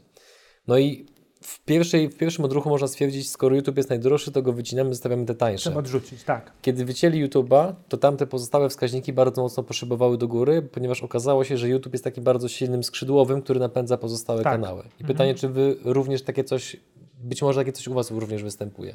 Naprawdę nie potrafię odpowiedzieć, ponieważ e, nie będąc, e, nie będąc e, firmą działającą na budżetach korporacyjnych, no to znaczy nasze budżety oczywiście nie są małe, no bo to jest e, e, jednak e, napędza je działalność komercyjna, więc no, Mhm. mamy budżety. Możesz powiedzieć, jakie to są budżety, czy, czy nie chcesz o tym mówić? Mm, No oczywiście one są różne, zależy od, zależy od tego, jaki mamy, jaki mamy plan promocji, ale generalnie na wszystkie media są to budżety liczone w dziesiątkach tysięcy złotych miesięcznie, czyli Mhm. no, na pewno można wydać więcej, można też wydać znacznie mniej, prawda? Więc tak to wygląda. I nie wiem. Myślę, że, że, że, że mniej więcej tak to może, Mhm. tak to może wyglądać, że ten YouTube pełni taką funkcję e, jakiegoś takiego supportu, jakiegoś takiego wsparcia. Natomiast e, e, nie wiem, mam nadzieję, że to nie będzie jakieś prymitywne, jeśli tak to powiem, ale najbardziej, to co najbardziej odczuwam z YouTube'a, to to, że mam dziesiątki tysięcy kumpli. Mam dziesiątki tysięcy kolegów na YouTubie. Ta relacja jest trochę unilateralna, ponieważ rozmawiamy przez ekran. E, I rzeczywiście mówiąc tyle, nie ma takiej możliwości, żebyś nie dał się poznać. Nie możesz, ja mam, nie wiem ile na kanale, 300 filmów, nie możesz Mhm. przez 300 razy pół godziny do godziny mówić, żeby ktoś ciebie w końcu nie poznał, bo mówisz, tu byłem, to jadłem, to robiłem, to mówiłem i tak dalej. I mam mnóstwo osób, które do mnie przychodzą, ja ich jeszcze nie znam, ale oni już mnie znają, bo tyle mnie słuchali, że, że wiadomo, że się polubimy. I rozmawiamy jak koledzy od pierwszej sekundy. I to mi się zdarza bardzo często i to jest taki, ja wiem, że nie biznesowy, niemierzalny, ale to jest najprzyjemniejszy efekt YouTube'a, najprzyjemniejszy efekt YouTube'a, jaki mam. No właśnie, a zgodziłbyś się z czymś takim, że przez to, że ludzie mają możliwość poznać Cię wcześniej, zanim przekroczą próg Twojego sklepu, to bardzo mocno skraca się proces handlowy, gdzie tak naprawdę wycięty jest ten element, gdzie klient dopiero się z Tobą oswaja, ma pewne pytania co, i dopiero to- to- potem chce kupić. E, Ja mam takie powiedzonko, wszyscy moi widzowie znają, że to ma zady i walety. Bo YouTube na pewno sprawia, że wszyscy myślą, że jest ten sklep w Poznaniu i ja tam w tym sklepie siedzę i ja ten sklep prowadzę od początku do końca. Czyli jeśli na przykład kupisz u mnie koszulę, to ja wyświetla mi się na ekranie dzwoneczek, ja wstaję, idę po tę koszulę na półkę, pakuję ją, dzwonię do kuriera, kurier przyjeżdża, ja mu przekazuję, on jedzie i ona jest u ciebie. I jakby nie ma takiej, może jakby nie ma takiego postrzegania, że jednak e, w, w pewnej szerokości działalności to jest niemożliwe, tak to nie wygląda, tak? Czyli mój sklep stacjonarny ma zupełnie inny, inne miejsce i system i czas i przestrzeń magazynowania niż mój sklep internetowy, który ma zupełnie inny i dalece większy magazyn. E, Nie, nie wszyscy wiedzą, że w mojej firmie pracuje, kiedyś pracowało ponad 30, teraz pracuje 25 osób. E, I zorganizowanie takiej struktury po prostu wymaga no, wielu rąk do pracy, które zajmują się różnymi obszarami działalności. Więc e, to jest takie, taka rzecz, które, której YouTube nie, nie udaje mi się przekazać. Natomiast na pewno to, co mi się udaje YouTube'em zrobić, to to, że miałem wielki problem na początku swojej działalności detalicznej, Mhm. ponieważ już funkcjonowałem w internecie, ale tak się poskładało moje życie biznesowe, że e, otworzyłem sklep, który ma 300 metrów, dwa piętra i jest no, praktycznie przy samym Starym Rynku w Poznaniu, na, przy ulicy Podgórnej. I e, tak się poskładało, że ten sklep e, ma taką powiedzmy aparycję e, takiej high-endowej ulicy targowej w jakimś mieście pewnie właśnie typu Londyn albo coś takiego. Tak? Nie chciałbym tu jakieś teraz nie wiem jak to powiedzieć, nie chcę, żeby to zabrzmiało źle, tak? nie chcę, żeby to zabrzmiało, że ktoś sobie myśli, że ja sobie myślę albo coś takiego. Po prostu tak, nawet trochę tak się złożyło po prostu, tak? Bo gdybym wiedział, jaki będzie efekt, to może bym tak tego nie zrobił. Ale tak to zrobiłem. I się okazało, że sklep z wielką, błyszczącą witryną i mosiężnym szyldem, że ludzie się do niego strasznie boją wejść. Strasznie. Bez w ich głowie mentalna bariera wejścia, że tam jest drogo pewnie. Strasznie, tak. I w pewnym momencie się okazało, że nawet zaczęliśmy już robić takie metody włoskie jak w restauracjach, że kiedy jesteś we Włoszech w restauracjach, często właściciel restauracji stoi przed, e, pracownik stoi przed restauracją i zaprasza i w ogóle, i w ogóle. No więc e, my mieliśmy takie sytuacje, że kiedy osoby oglądające witrynę, a witryna zatrzymuje ludzi cały czas, bo wszyscy mówią, sklep dla dżentelmena, jakiś Kingsman albo coś, nie wiadomo, buty, alkohole, co tu jest. Jak oni widzieli przez szybę, że pracownik lub ja podchodzimy do drzwi, żeby ich zaprosić, to było wyjście z bloków i sprint na stówę. Ucieczka natychmiast. Nie? I no, był to duży problem, bo to się, znowu anglicyzm, to się nazywa footfall, czyli wejścia z ulicy.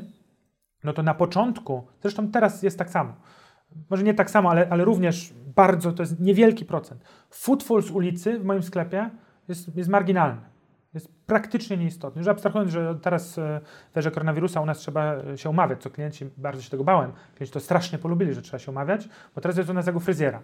Umawiasz się na y, zakup garnituru i jest konsultant, który się zna bardzo dobrze i pomaga ci dobrać wszystko. I możesz go zapytać o wszystko. Czy ten zielony będzie pasował do moich oczu? Jaką fryzurę mam nosić? Jaką brać poszetkę? Czy nosić krawat, czy nie? Kiedy nosić, a kiedy, kiedy nie nosić? Czy mogę nosić muszkę? Czy ta koszula pasuje do muszki? Jakie złożyć buty? Kiedy które? Wszystko to możesz zapytać. Więc nie jest tak, że tam wisi, zobacz, jak ci pasuje, to kup. W ogóle tak to nie wygląda. I, y, i, I dopiero kiedy ta działalność internetowa zaczęła mieć pewien rozmach, to y, ludzie zrozumieli, że cały asortyment tego sklepu jest dostępny online i że jeśli podoba Ci się na przykład ta koszula w kratkę księcia Wali i ona jest dostępna w internecie, możesz zobaczyć, że ona kosztuje na przykład 299 zł i mówisz, ok, to jest koszula, na którą mnie y, jak najbardziej stać, więc wchodzę jak po swoje.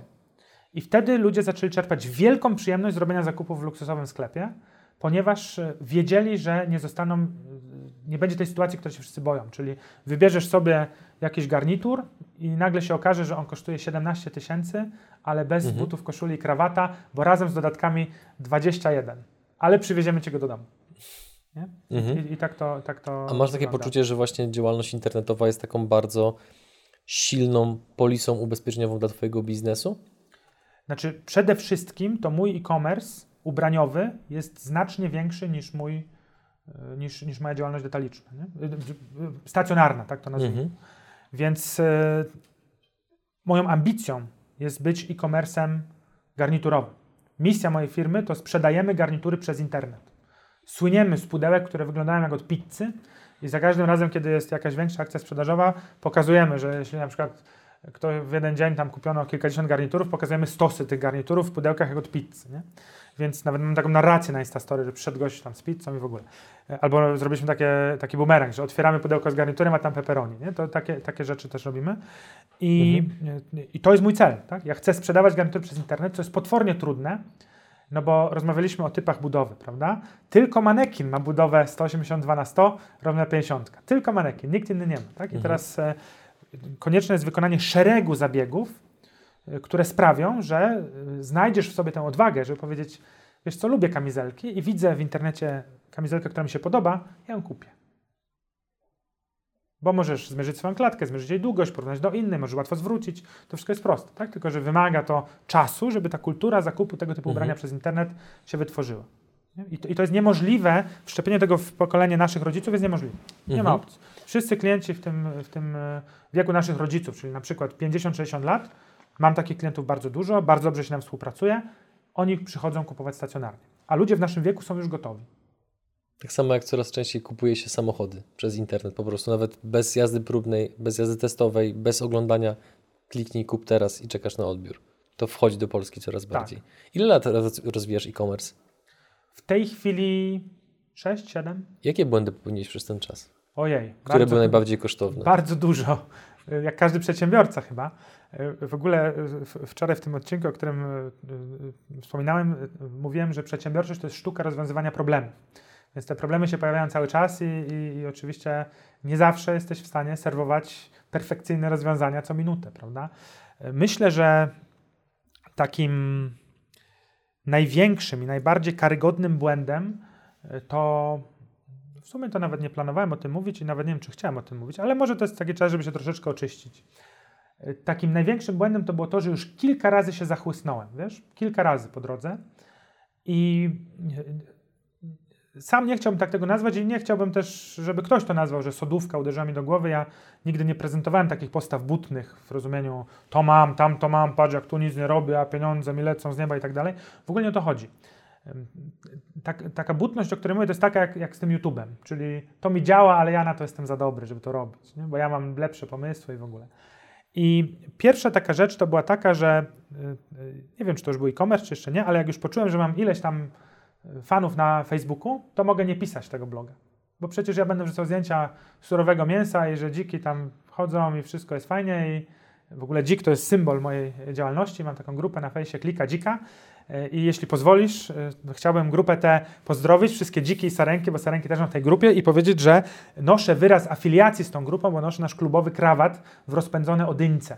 Także mam taką społeczność, która właśnie wokół tego dzika jest e, skupiona. To zaraz, jeśli I- ty pozwolisz, to ja poproszę te wszystkie dziki o to, żeby kliknęły właśnie łapkę w górę pod filmem. To ja jeszcze dodam, żeby kliknąć też dzwoneczek, aby nie zapomnieć i mamy już wszystko. Tak jest. Podrapaliśmy się po plecach obydwoje. Dobra. Tak jest. I teraz tak. I, w, I wtedy poczułem, dobra, to ja nie będę tworzył treści, bo niby content is king, ale ja mam tych wszystkich ludzi na fejsie i będzie fajnie. I, i, i poczułem, że rzeczywiście y, zacząłem trochę odstawać od, y, od reszty blogosfery. To był taki pierwszy moment. Drugi moment był taki, y, kiedy ten YouTube zażarł. Kiedy nagle się okazało, że tych fanów przybywa bardzo dużo, bo to no nie pamiętam, ale no to było po, po, od kilku do dziesięciu tysięcy tygodniowo w tej pierwszej fazie, czyli no naprawdę lawinowo. Mhm.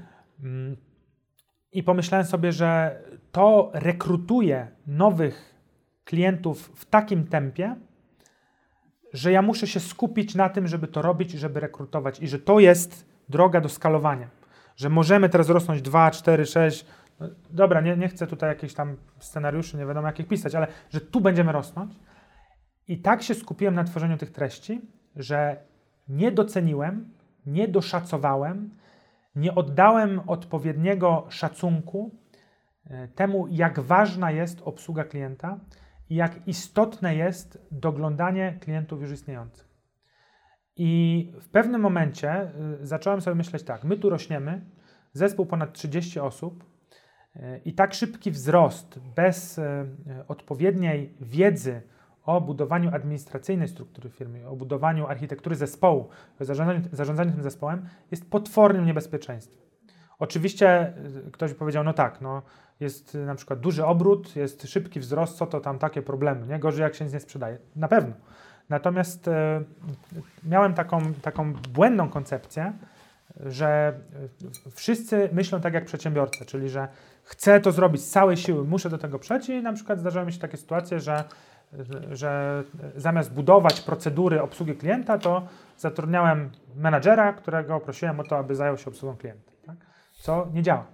I nauczyłem się niestety, po angielsku się mówi hard way, nauczyłem się w sposób bolesny e, i e, no w zasadzie można powiedzieć, że uratowała mnie tylko ta, y, tylko ta, y, ta, ta taka progresywność i, i skala tej działalności internetowej, bo rzeczywiście my pozyskujemy bardzo duże ilości, trzeba by powiedzieć liczby po polsku, nowych osób zainteresowanych naszą działalnością. Z tym, że teraz od dłuższego czasu już znacznie bardziej dbamy y, o te osoby, które, które już istnieją, bo rozumiemy, że to dzięki nim Mhm. y, trwamy. Mhm. I, to jest, I to jest bardzo ważne i nie chcę może bronić to więcej, bo zresztą rozmawialiśmy też o tym, że obydwaj będziemy na konferencji I Love Marketing, y, którą to zresztą konferencję też bardzo, ja nie wiem, czy on wszystkich pozdrawiam, jakby byli na macie w Jiu-Jitsu, ale y, którą to zresztą całą ekipę I Love Marketing pozdrawiamy i to, to, tak. to, też będzie, y, to też będzie przedmiotem mojego wystąpienia, najprawdopodobniej to. Mhm. W jaki sposób mądrze podejść do układania procedur obsługi klienta? Bo wydaje mi się, że dotknąłeś bardzo ważnego tematu, który a, nawet jako konsument mogę powiedzieć, że chyba jest często pomijany w wielu firmach, bo niejednokrotnie zdarzyłem się z sytuacją, gdzie jest bardzo ładny szyld, czy to w sklepie stacjonarnym, czy w sklepie wirtualnym, ale potem ta już styczność z pracownikiem, który to, to nie jest jakby Mhm. jego wina, że on się zachowuje w ten czy w inny sposób, no bo prawdopodobnie przestrzega pewnego regulaminu, pewnych zasad, pewnych procedur, że ona już nie jest aż tak przyjemna, jak właśnie to opakowanie, które jest dopracowane. Jak Tak. u Was, jak, jak, jak podchodzicie właśnie do układania procedur obsługi klienta? No, przede wszystkim w tej y, chwili rozumiemy, że jest to znacznie bardziej istotny element procesu sprzedaży, niż można by y, y, to postrzegać domyślnie. Tak? Czyli jeśli na przykład y, ktoś jest aspirującym przedsiębiorcą, który chce, czy stoi przed, przed momentem, w którym rozpocznie swoją działalność, no to ponieważ biznes jest brutalny i albo jesteś, albo cię nie ma. Nie ma żadnego pośredniego stanu, tak? To nie jest instytucja finansowana z zewnątrz w żaden sposób. No to co jest najważniejsze? No sprzedaż, tak? Jeśli masz sprzedaż, to łatwo jest pomyśleć, ok, wszystko jest dobrze, nie? Natomiast e, ta obsługa klienta jest, jest rzeczą naprawdę kluczową e, i, i po prostu trzeba poświęcić jej uwagę e, znacznie większą niż domyślnie można by, Mhm. można by uważać. I w tej chwili my robimy to w ten sposób, że naprawdę dbamy o każdą transakcję.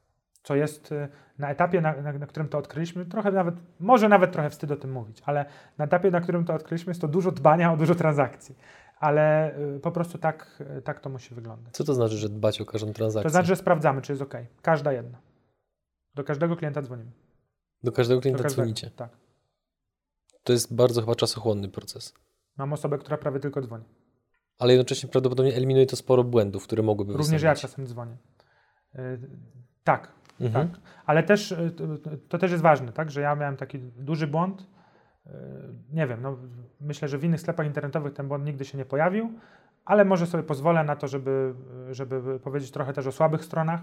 Mamy mocną stronę marketingu, y, która, która nas niesie, tak? no, ale na przykład mieliśmy taką sytuację, w której wysyłkę obsługę klienta realizowało mnie y, ten sam zespół realizował. Te same osoby, nie było ich dużo, dwie, trzy. I, I to był duży błąd. I to było, to było, to było znaczne, Mhm. y, znaczne utrudnienie, ponieważ y, jeśli tam znalazły się osoby, które na przykład miały, miały do klienta podejście otwarte, ale nie asertywne, to natychmiast znalazło się bardzo dużo klientów, którzy chcieli przekroczyć nasze możliwości organizacyjne. Czyli na przykład, dzień dobry, zamówiłem, przepraszam, tak się przyczepiłem tej twojej kamizelki. Ten tartan przypomina trochę tartan y, Nightwatch, czyli jeden z otwartych tartanów e, szkockich, które może nosić każdy.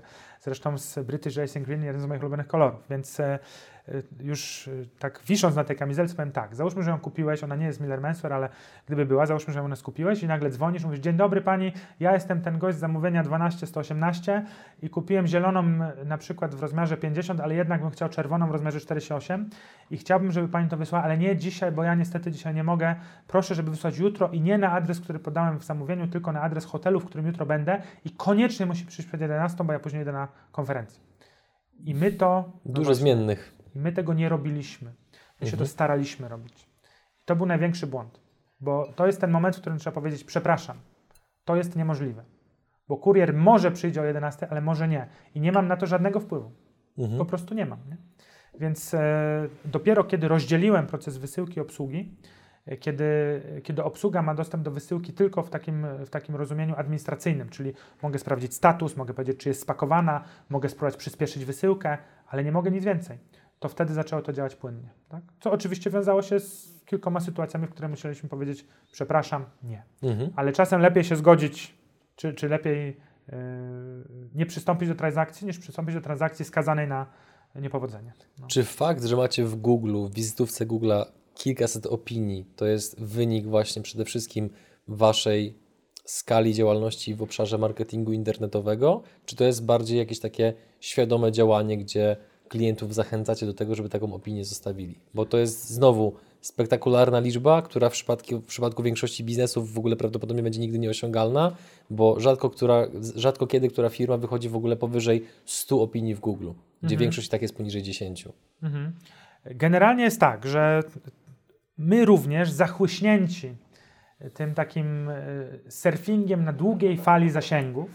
Mówiliśmy sobie, jaki tam do Google nawet nie będę patrzył, ponieważ ja tu lecę. Jest tu 100 tysięcy, tu 50 tysięcy, tu 200 tysięcy wyświetleń, tutaj tyle lajków, tutaj tyle i tak dalej. Więc e, przez długi czas na to działało i nagle zobaczyliśmy, e, pamiętam kiedy to się stało, to się stało w zeszłym roku po Black Friday. Może nie chcę podawać liczby zamówień, ale była naprawdę znaczna, tak? taka Mhm. e, no duża. Taka, że kiedy nasz zespół do wysyłki plus wszyscy inni ludzie, którzy pracują mnie w firmie, przyszli pracować, dzisiaj może z lepszym planem na to y, przyjść pakować, z lepszym planem na to pakowanie może byśmy dali radę. Wtedy nie byliśmy kompletnie w stanie. Tak? Nie, jakby nasza struktura, to też jest ciekawe w aspekcie wzrostu, że kiedy wzrośniesz nie ewolucyjnie, tylko rewolucyjnie, z dnia na dzień, z minuty na minutę, na przykład 30 razy, to nie jest fajnie. To jest, to jest bardzo ciężko, bo y, struktura, którą przygotowałeś, ta administracyjna, nie jest w stanie tego wyciągnąć. Nie mówię o takich prostych rzeczach, jak że może po prostu siąść ci serwer od ruchu, którego nikt się nie spodziewał. Ale może się na przykład okazać, że twój magazyn nie jest gotowy, y, twoje możliwości transportowania towarów wewnątrz firmy nie jesteś na to gotowy, nie masz odpowiedniej liczby opakowań, y, nie wiesz, gdzie te rzeczy w ogóle są. Różne rzeczy mogą się Mhm. zdarzyć. Tak. No i stało się tak, że y, mieliśmy wtedy taką sytuację, która wcześniej nie stanowiła problemu, że nasz sklep stacjonarny był również uwzględniony w ofercie internetowej. Nie? Co y, dzisiaj już możemy sobie bez problemu na to pozwolić, żeby tak nie było. Mhm. E, A wtedy też w sumie mogliśmy, ale jeszcze nie wiedzieliśmy, jak to jest ważne, żeby tak, żeby tak nie było. I ponieważ oferta była atrakcyjna, no to na przykład, dobra, przeniosę się teraz na poszetkę, to tę poszetkę e, mógłbyś kupić w atrakcyjnej cenie w sklepie stacjonarnym i przypadkiem Marcin mógłby kupić ją w sklepie internetowym w tej samej chwili. Więc oczywiście wyjdziesz z nią ty, bo masz już ją w dłoni. Tak? No i y, gdybyśmy się zorientowali na przykład 5 minut po tym fakcie, to natychmiast bym dzwonił do Marcina, oferował różne drogi wyjścia z tej sytuacji. Z tym, że przy znacznej liczbie zamówień Mhm. nie zorientujesz się 5 minut po fakcie, tylko na przykład 5 dni albo 6, co już jest po deklarowanym terminie wysyłki, ale ponieważ masz tych zamówień kilkadziesiąt razy więcej niż myślałeś, no to jeszcze nie wysłałeś. No i przechodząc płynnie do Google'a, spotkało się to oczywiście z dużym niezadowoleniem klientów. I pomimo, że, pomimo, że oceny tam powinny dotyczyć działalności sklepu stacjonarnego, no to, To nikt na to nie patrzył. e, niezadowoleni klienci, słusznie niezadowoleni, tak? To, to w żaden sposób nie ma tu żadnej ironii, ani żadnego jakiegoś... e, Mhm. Ja nawet taką mam mm, trochę filozofię w życiu, że najłatwiej wyjść z opresji, jeśli popełniasz błąd, kiedy po prostu się do niego przyznajesz i przepraszasz, tak? a, nie, a nie palisz Jana, że nie, że to nie tak, że to trzeba inaczej spojrzeć i tak dalej. Klienci słusznie niezadowoleni szukali kanałów, którymi mogli dać Upust. e, upust swojemu niezadowoleniu i znaleźli, część z nich znalazła Google, e, gdzie posypał się na nas deszcz jedynek, oprócz organicznych, licznych piątek, które oczywiście wynikają z normalnej działalności sklepu, prawda? Mhm. Więc, e, no więc e, nie dotknęliśmy dna, ale jak to e, lubię mówić, bo żegluję, rysaliśmy po nim kilem. I, i tam no, mieliśmy taką cenę na poziomie jakiejś tam trójki z okładem, nie? która była po pierwsze wysoce niezadowalająca, a po drugie całkowicie nieprzystająca do rzeczywistych usług, które świadczymy w działalności stacjonarnej. No i faktycznie zaczęliśmy to, zaczęliśmy to zabiegać, tak? ale zabiegać tylko etycznie i tylko, y, i tylko w, w takim polu, które uznajemy za smaczne. Tak? To znaczy, że y, prosimy naszych klientów o to, aby w zgodzie ze swoim sumieniem i własną oceną sytuacji Mhm. wystawili nam y, ocenę za wykonaną usługę. Tak? I to, to jakby robimy. Tak? Ale Mhm. zaznaczamy to bardzo, y, bardzo jasno, że ja nie proszę o piątkę, tylko jeśli miałby Pan ochotę, to byłoby wspaniale, Mhm. gdyby Pan lub Pani, bo też dużo kobiet kupuje, y, rzeczy, które są świetnymi prezentami dla, dla mężczyzn, y, prosimy o wystawienie oceny, która odzwierciedla jakość otrzymanej usługi. A my ze swojej strony oczywiście staramy się, żeby ta usługa była Mhm. y, taka, żeby można prosić, prawda? Bo no, byłoby niezręcznie zadzwonić. Dzień dobry, wiem, że się spóźniłem, wiem, wiem, że wysłałem nie to, co pan chciał, wiem, że było poplamione, a pudełko było nadgryzione, y, ale czy dałby pan piątkę? No tak to Mhm. nie może działać, A prawda? to w jaki sposób to robicie? Jak prosicie o to klienta zaraz po zakupie w sklepie stacjonarnym, czy do niego dzwonicie, wysyłacie maila? Jak to wygląda Wiesz tak co, technicznie? y, Jakby nie, nie, ale to też jest to element, który dodaliśmy, ale to nie jest jakiś centralny punkt naszej działalności. Tak? Centralnym Mhm. punktem działalności jest realizowanie usług w sposób zadeklarowany. Czyli produkt musi wyglądać tak, jak jest zaprezentowany, Mhm. musi prezentować jakość, jaką obiecuje marka, musi zostać, musi być łatwy do kupienia w rozumieniu user experience, tak? czyli UX musi Tak. się zgadzać, y, musi być dostarczony terminowo i potem jako finish, jako wisienka na torcie możemy rozmawiać o tym, czy to było w porządku, tak? a nie ma jakiegoś planu, że skupiamy się tylko na tym, żeby tam wyciągać Mhm. jakieś, jakieś oceny. Także nie tak to wygląda. No i no, sposobem jest oczywiście dialog, tak? czyli y, jeśli jest na odległość, no to jest y, telefoniczny, y, jeśli, jeśli jest stacjonarny, no to jest rozmową. No to Mhm. oczywiście, ale nie ma żadnego jakiegoś haczyka, planu, Jasne. pomysłu, jakiegoś triczku, jakiegoś, nie wiem, jakiegoś dialogu, który tam coś Mhm. obliguje, czy, czy wymusza zobowiązanie, nic takiego nie ma. Mhm. A czy, bo już przerobiliśmy różnego rodzaju wnioski z popełnionych błędów w obszarze e-commerce'u, to biorąc pod uwagę, że masz 25 Mhm. pracowników, no to wyobrażam sobie, że taka liczba musiała przez minione lata wygenerować pewien szereg różnych sytuacji, gdzie ty jako właściciel po prostu podjąłeś złą decyzję w wyniku być może e, właśnie braku doświadczenia w pewnym obszarze czy szeregu innych rzeczy. Jakie błędy popełniłeś jako szef? Wiesz co? Nie wiem, czy chcę odpowiadać na to pytanie, ponieważ mam w tym zakresie do powiedzenia naprawdę dużo.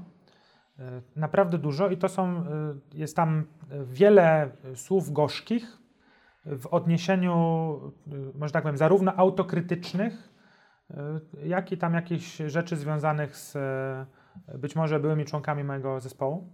Natomiast jeszcze jest za wcześnie, żeby, żeby o tym Mhm. mówić, tak? Bo ja jeśli kiedyś będę chciał o tym opowiedzieć, to chciałbym opowiedzieć o tym w taki sposób, żeby to nie było ad persona, tylko żeby to było nauką dla innych. Natomiast w tej chwili obawiam się, że przez to, że w e, świecie garniturowym e, funkcjonują społeczności, które e, tematami tymi żyją, chętnie je roztrząsają i, i chętnie e, skupiałem się na tym, żeby je tam rozpracowywać na czynniki pierwsze, dochodząc do nazwisk poszczególnych osób, no to wolałbym, wolałbym tego nie robić. Tak? Bo Mhm. w żadnym wypadku moim celem, nawet jeśli są za mną jakieś negatywne historie s- płynące ze współpracy z, z niektórymi osobami, e, ostatnią rzeczą, jaką bym chciał zrobić, to w jakikolwiek sposób tym osobom coś e, utrudniać. Nie, Mhm. nie chciałbym, żeby tak to, tak to wyszło. Natomiast na pewno przyjdzie taki czas, w którym będę miał dużo do, Mhm. do opowiedzenia dla jasności w odniesieniu do tego, czego się nauczyłem pracując z ludźmi e, i zarządzając zespołami. Mhm. To przejdźmy w takim razie do kolejnego Mhm. tematu. Absolutnie e, rozumiem, co powiedziałeś, szanuję i akceptuję. Mm, Czy z perspektywy czasu jesteś zadowolony z tego, że masz tak szerokie portfolio produktów? Tym bardziej tutaj rozmawialiśmy w kuluarach, przez to, że one się aż tak mocno nie zazębiają pod kątem wykorzystywania tych samych zasobów, no to zakładam, że może to stwarzać szereg różnych wyzwań organizacyjnych, intelektualnych, marketingowych, co, żeby to w ogóle Gdybyś mnie dźwigać. zapytał, co źle zrobiłem, powiedziałbym wszystko, ale niczego nie żałuję. Bo widzę to w ten sposób. Uważam, że wziąłem za szeroki zamach w przypływie entuzjazmu, optymizmu, ym, jakichś takich e, pozytywnych emocji związanych z tym, co robię, bo ja po prostu bardzo lubię to, co robię. I to też ma swoje zady i walety, bo y, jest takie sławne powiedzenie na każdym kubku, w każdym biurze, że rób to, co kochasz, a nigdy nie będziesz w pracy. Y, Możesz też się zamienić na rób to, co kochasz, a nigdy nie wyjdziesz z pracy. To, to jakby ten kij ma dwa końce po prostu. Y, I ja mam taką sytuację, że robię to, co kocham i nawet kochając to, kiedy to robię, to i tak się pojawiają pewne problemy lub obciążenia, tak? Bo na przykład moja żona, która jest cudowna, wyrozumiała, bardzo elastyczna w podejściu do mojego życia zawodowego, y, no, musi stawiać czoła takim sytuacjom, na przykład, że kochanie, za tydzień jadę do Szkocji, nie będziemy dwa tygodnie, tak? Albo tam, no dobra, przesadziłem, tydzień, albo coś takiego, ale takie wyjazdy, nieobecności no, są regularne, tak? Więc e, na przykład, tak, że, że cię, to, Mhm. cię to pochłania, chcesz to robić, ale masz też życie rodzinne, e, albo masz też sprawy totalnie przyziemne w stylu, że musisz się czymś zająć, doglądać czegoś, nie wiem, no jakieś takie sprawy życiowe. Więc e, uważam, że wziąłem trochę za szeroki zamach, ponieważ e, trzy działalności, które prowadzę, e, wszystkie odnoszą sukces, tak? Czyli e, nie wiem już, czy mówiłem do tobie przed kamerą, czy poza kamerą, chyba przed, że jedyną miarą działalności firmy jest sukces finansowy, nie ma innych, tak? To moje wszystkie firmy odnoszą sukces finansowy. To, to jest jakby bottom line. Natomiast e, sprzedaż alkoholu wymaga dystrybucji detalicznej, która nie ma absolutnie nic wspólnego z e-commerce'em. E-commerce ubrań klasycznych wymaga budowania sklepu internetowego w myśl wszelkich dobrych praktyk e-commerce z wielką dozą kreatywności wiążącą się z tym, jak sprzedać marynarkę przez internet. A płaskie portfele są zagadnieniem, które dotyczy nie tylko mojej grupy docelowej, tylko w zasadzie wszystkich mężczyzn i często też kobiet. Więc wymagają zupełnie innej komunikacji. I dlatego na przykład z płaskich portfeli wycofaliśmy moją twarz. To znaczy, że każdy, kto jest z mojej społeczności, kto należy do mojej społeczności, przepraszam, każdy, kto należy do mojej społeczności, wie, że jestem właścicielem marki, która robi płaskie portfele, ale nie wszyscy klienci wiedzą, kim jestem. I, i strasznie się z tego cieszę, naprawdę. Y, zwróć uwagę, że zrobiłem moje w sposób Mhm. taki Tak, delikatny, już- już- że już tak. już mówię, uderzam, ty widzisz slow motion, a ja mówię, nie. Dobra. I, i tak to wygląda i to utrzymanie takiego, sta, takiego stanu rzeczy jest wybitnie energochłonne, wybitnie. Mhm. I po prostu wymaga strasznie dużego zaangażowania. Więc e, ten moment, kiedy na przykład e, robisz już to kilka ładnych lat i chciałbyś sobie odciąć jakiś kupon i e, nie w rozumieniu materialnym, tylko na przykład czasowym i na przykład się zatrzymać i przestać i trochę powąchać kwiatów na łące albo cokolwiek innego zrobić, no to ja mam tych momentów mało. I to jest, e, e, Mhm. jest to dla mnie jakieś tam jakieś wyzwanie. Już troszeczkę wyprzedziłeś moje kolejne pytanie, bo właśnie chciałem zapytać, w jaki sposób w takim razie, biorąc pod uwagę, że te trzy przedsięwzięcia odnoszą sukces, jak zarządzasz swoją uwagą, skupieniem, energią, kreatywnością, żeby móc napędzać te wszystkie marki? Wiesz co, to, to wszystko, co mi powiedziałeś, ja oczywiście wszystkie te y, słowa, zagadnienia, nagłówki, bullet pointy na prezentacjach, różnych szkoleniach i tak dalej słyszałem, y, ale ja tego po prostu y, nie widzę w taki sposób, nie, nie, nie, nie postrzegam tego w taki sposób. y. No, i- no daję całego siebie, no. Daję po prostu, daję całego siebie. Nie mam, nie, nie alokuję czasu, nie, nie oceniam tego. No dobra, ale jak twój dzień wygląda? Rano pracujesz nad jakąś konkretną marką, w południe nad inną, w popołudniu nad inną, czy jak to wygląda od kuchni? Generalnie jest tak. Poruszam się po swoim biznesie we współpracy z e, takim upper management, który liczy sobie cztery osoby. I te cztery osoby, które od razu poz- pozdrowię, postaram się w kolejności e, alfabetycznej, dając pierwszeństwo paniom, czyli to będzie e, Ola i Patrycja oraz e, Arkadiusz i Marcin. Nie było aż tak trudno. Jak, czasem, tru- czasem opisujesz dłużej niż robisz. Nie? To też trzeba uważać. E, Więc e, Ole, Patrycja, Arka i Marcina serdecznie pozdrawiam, bo, e, bo, bo bez nich po prostu to, co robimy, byłoby niemożliwe. I generalnie wygląda to w ten sposób, że w każdym z obszarów, w których pracujemy, mamy harmonogram działań, który jest planowany z, z rocznym bardzo luźno, półrocznym w miarę precyzyjnie, kwartalnym bardzo precyzyjnie i powiedzmy miesięcznym co do godziny wręcz e, poziomem dokładności. Tak to mniej więcej wygląda. Co szczególnie w przypadku ubrań wiąże się z, ze specyfiką łańcucha dostaw. To znaczy, że, e, o może podam taki przykład. Jakiś czas temu współpracowaliśmy, w sumie cały czas współpracujemy, natomiast jakiś czas temu realizowaliśmy taki projekt z marką Johnny Walker Blue Label, którego zresztą widziałem u Was na półce tutaj. Dowiedziałem się, że czeka na specjalną okazję. E, I dla marki Johnny Walker Blue Label, czy, czy może w, we współpracy z tą marką przygotowaliśmy garnitur, który został wykonany z tkaniny, która powstała w kolorze etykiety tej whisky. I do tego wewnątrz jest e, jedwabna poszetka, na której jest taki obraz, który narysował wspaniały ilustrator e, Alek Morawski o pseudonimie Liskula. E, Gość tworzy niesamowite obrazki, zresztą mogę to też pokazać, bo jako kolejny wyraz afiliacji mam to na poszetce. Pognieciona poszetka najładniej wygląda, ale generalnie jest to mapa Szkocji, która obrazuje także proces produkcji whisky. Tu rośnie jęczmień, kroją torf, czy tną torf, jest fermentacja whisky, destylacja, leżakowanie, mistrz kuparzu i butelka. I żeby taki, żeby taki garnitur e, przygotować, no to musisz tę tkaninę najpierw utkać, a później na etapie przędzy lub tkaniny, zależnie od tego, jaką tkaninę wybierasz, ona musi zostać zabarwiona na ten kolor, który zamawiasz, a my do tego jeszcze zaczęliśmy sobie, żeby na tkaninie była apretura, która jest hydrofobowa. Czyli jeśli na ten garnitur kapnie woda, to ona się zachowuje jak rtęć. S- Skupia się w kropelkach i możesz ją strzepnąć. Tak?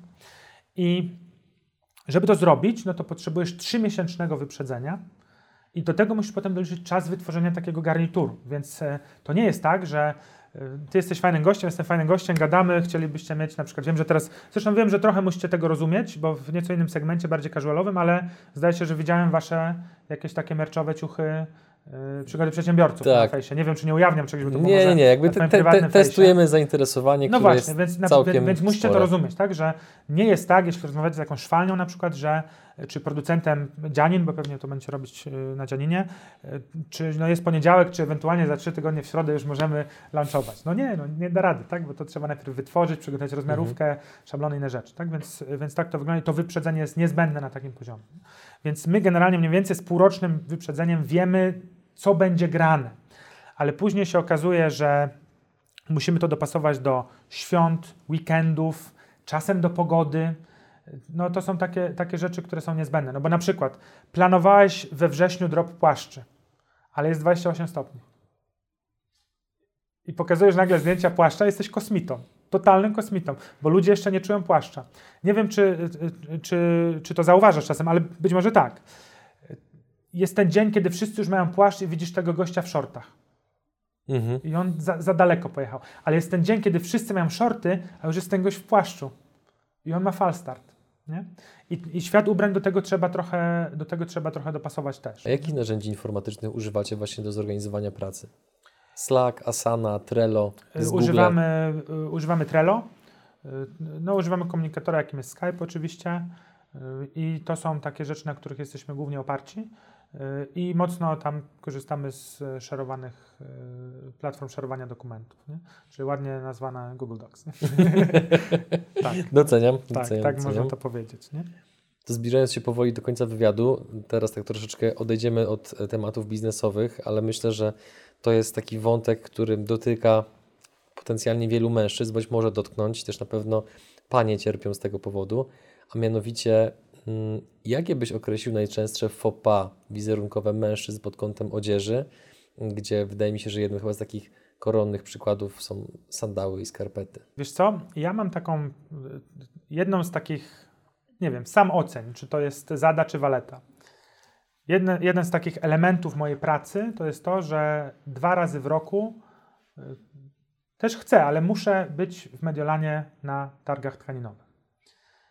I kiedy jeździmy do Mediolanu, lubimy sobie y, odwiedzić y, galerię Vittore Emanuele, która jest wspaniałym takim, myślę, chyba najbardziej prestiżowym na świecie, no na pewno w topie prestiżowych miejsc na świecie, jeśli chodzi o zakupy y, modowe. Mhm.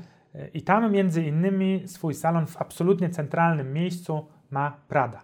No, czyli marka, której, że tak powiem, zasługi oraz, y, oraz sławę w biznesie modowym i odzieżowym, no jest, jest ona niekwestionowalna, jest to waga ciężka. Tak? I, y, I mam nawet taki, taki mikrotrollingowy, co wprawdzie w żaden sposób nie szkodzi, więc nie mam wyrzutów sumienia, y, taki mikrotrollingowy zabieg, że lubię wrzucić zdjęcie witryny Prady, ponieważ bardzo często jest tam manekin na przykład z jakimś całkiem kosztownym kołczanem prawilności, który w Polsce jest e, e, uznawany za, e, za akcesorium tylko jednej grupy osób, natomiast tam zupełnie często jakby jest założony.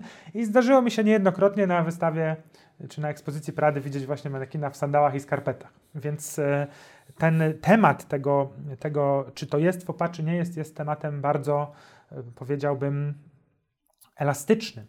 Natomiast oczywiście w takim wydaniu bojówki 3 czwarte, frota, sandały jakieś tam właśnie na piankowej podeszwie i ta, e, taka powiedziałbym, nie można mówić przysłowiowa, bo nie ma żadnego przysłowia z żonobijką, ale już legendarna koszulka żonobijka, czyli bez rękawów w siatkę, e, no to, to jest to wizerunek, widzę, że wszyscy bardzo plastycznie musiał się on wyświetlić w waszych głowach, bo wszyscy się śmieją nawet na, poza planem. Natomiast e, nie wiem, wiesz, ja, ja nie- patrzę na to w ten sposób, bo Koszula z krótkim rękawem na weselu? no jest to złe, no, jest to złe. Zwłaszcza, że naprawdę niewielka jest różnica między podwinięciem rękawa koszuli z długim rękawem, prawda? Więc łatwo to. Mhm. y, Ale wiesz co, ja, ja może bym bardziej chciał wysłać taki ogólny przekaz, więc y, proszę nie próbuj mnie tutaj złapać na jakiś konkretny przykładzik, Mhm.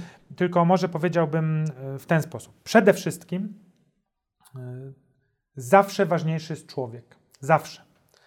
I ubrania muszą być przedłużeniem osobowości. Jeśli nosisz ubrania, które są niespójne z Twoją osobowością, to ich nie udźwigniesz. To udźwigniesz je u siebie w domu przed lustrem, a później nie dasz rady. I to jest, to jest pierwsza sprawa. Druga sprawa jest taka, że. Ciekawe stwierdzenie bardzo. Mhm. Ale tak jest, Bo zwróć uwagę, że nieważne kim jesteś, nieważne, czy jesteś gościem, który pcha wózek na ulicy, nie ma domu i pracy, czy jesteś, nie wiem, CEO wielkiej organizacji, to i tak masz pewne ramy ubraniowe, po których chcesz się poruszać. I są rzeczy, których byś po prostu nie zrobił. Nieważne, czy ktoś inny myśli o nich, że one są dobre, czy niedobre. Tak? No bo na przykład e, osoby bardzo konserwatywne i staromodne, starszej daty mogłyby na przykład nie chcieć wyjść z domu na ulicę bez nakrycia głowy. Tak? No kiedyś, jak zobaczysz zdjęcia sprzed 100 lat, na przykład na Manhattanie w Stanach, no to y, możesz zobaczyć takie zdjęcie, gdzie jest kilka tysięcy osób w kadrze i nie ma ani jednej bez nakrycia głowy. Bo kiedyś taka była norma społeczna. Nie? I niektórzy mogą cały czas tak myśleć, więc y, ja bym chciał zawsze widzieć człowieka przed ubraniami, to jest po pierwsze. I y, po drugie, y, to, to nigdy bym nie chciał być gościem, który sprawia komuś dyskomfort przez to, że on się źle ubrał. To, to nie chciałbym być taką osobą.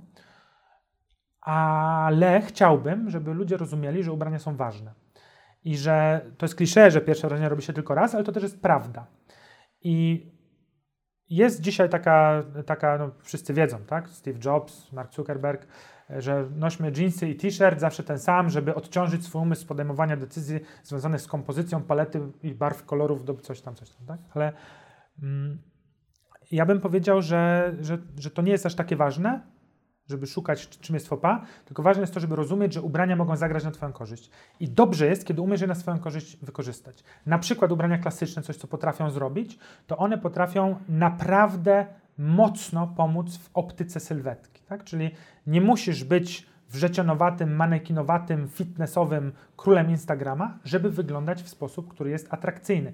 Niekoniecznie atrakcyjny, nazwijmy to godowo, żeby nie powiedzieć seksualnie, bo nie, nie każdy etap życia mężczyzny czy kobiety tak samo polega na tym, żeby przyciągać potencjalnych partnerów, tak? Ale na przykład budowanie wiarygodności, schludności, wrażenia takiej dokładności, precyzji, yy, zaufania ubraniami budować bardzo łatwo i wcale nie trzeba być wielkim ekspertem w tym, więc e, dobrze by było, jakby nie rozumieli, że warto jest, warto jest zyskiwać czy, czy poszerzać wiedzę o ubraniach po to, żeby w ten sposób je wykorzystywać. A jeśli chodzi już o takie wtopy, żeby było coś o tych wtopach, to generalnie są piękne słowa w języku angielskim, które trudno przetłumaczyć na język polski, czyli overdressed i underdressed. Ubrany zbyt formalnie i za mało formalnie. To generalnie zawsze lepiej jest być overdressed niż underdressed. Czyli lepiej jest przyjść ubrany tak jak ja, na, wiem, dobra, sorry, dotknąłem, ale mam nadzieję, że było cicho. Lepiej jest przyjść ubrany tak jak ja na jakieś barbecue, beach party albo grilla i zdjąć marynarkę, zdjąć krawat, odpiąć jeden guzik i to przejdzie, niż przyjść w japonkach, shortach i żonobijce na jakieś spotkanie, gdzie na przykład wszyscy inni delegaci albo na konferencję będą w garniturach, bo wtedy spłoniesz ze wstydu, prawda? I tak to, e, tak mhm. to wygląda. Czy osoba, która chciałaby w pewien sposób wyrobić sobie, nie wiem jak to nazwać, żeby tutaj trafić w samo sedno, ale pewien gust albo styl uh, ubierania się, to czy ona znajdzie odpowiednie informacje na Twoim blogu, żeby sobie właśnie przyswajając je wyrobić taki zmysł?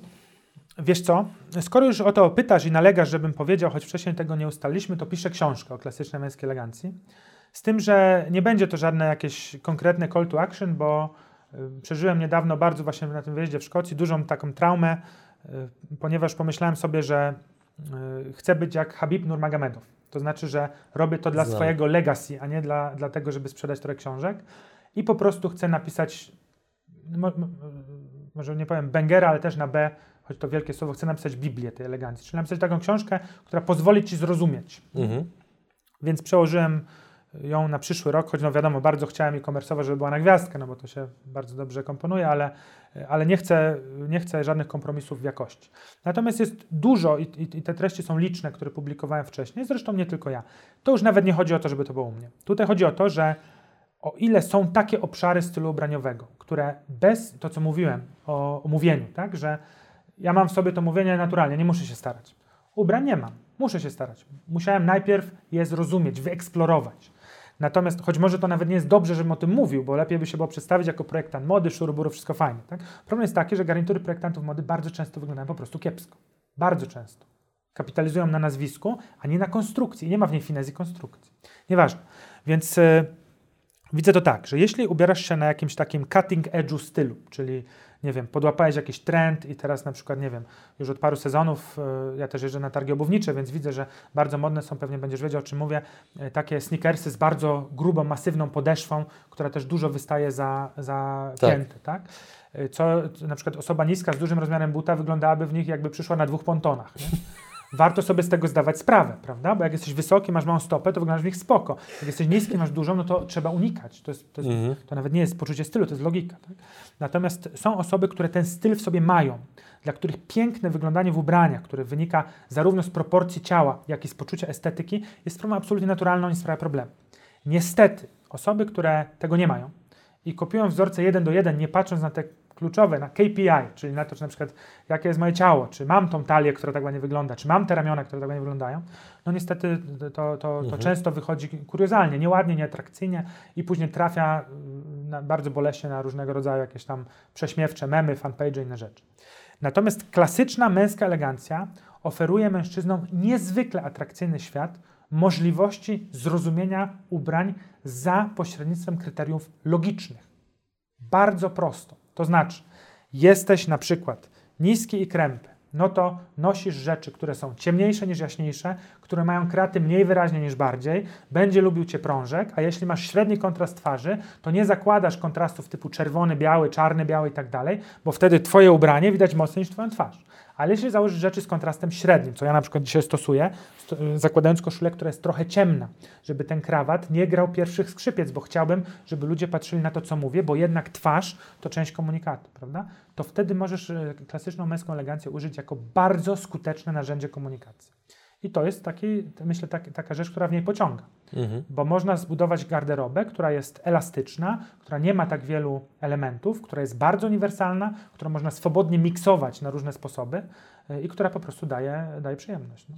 To jeszcze zapytam Cię o drobną poradę, bo wydaje mi się, że to jest sytuacja, z którą spotyka się tysiące naszych widzów regularnie.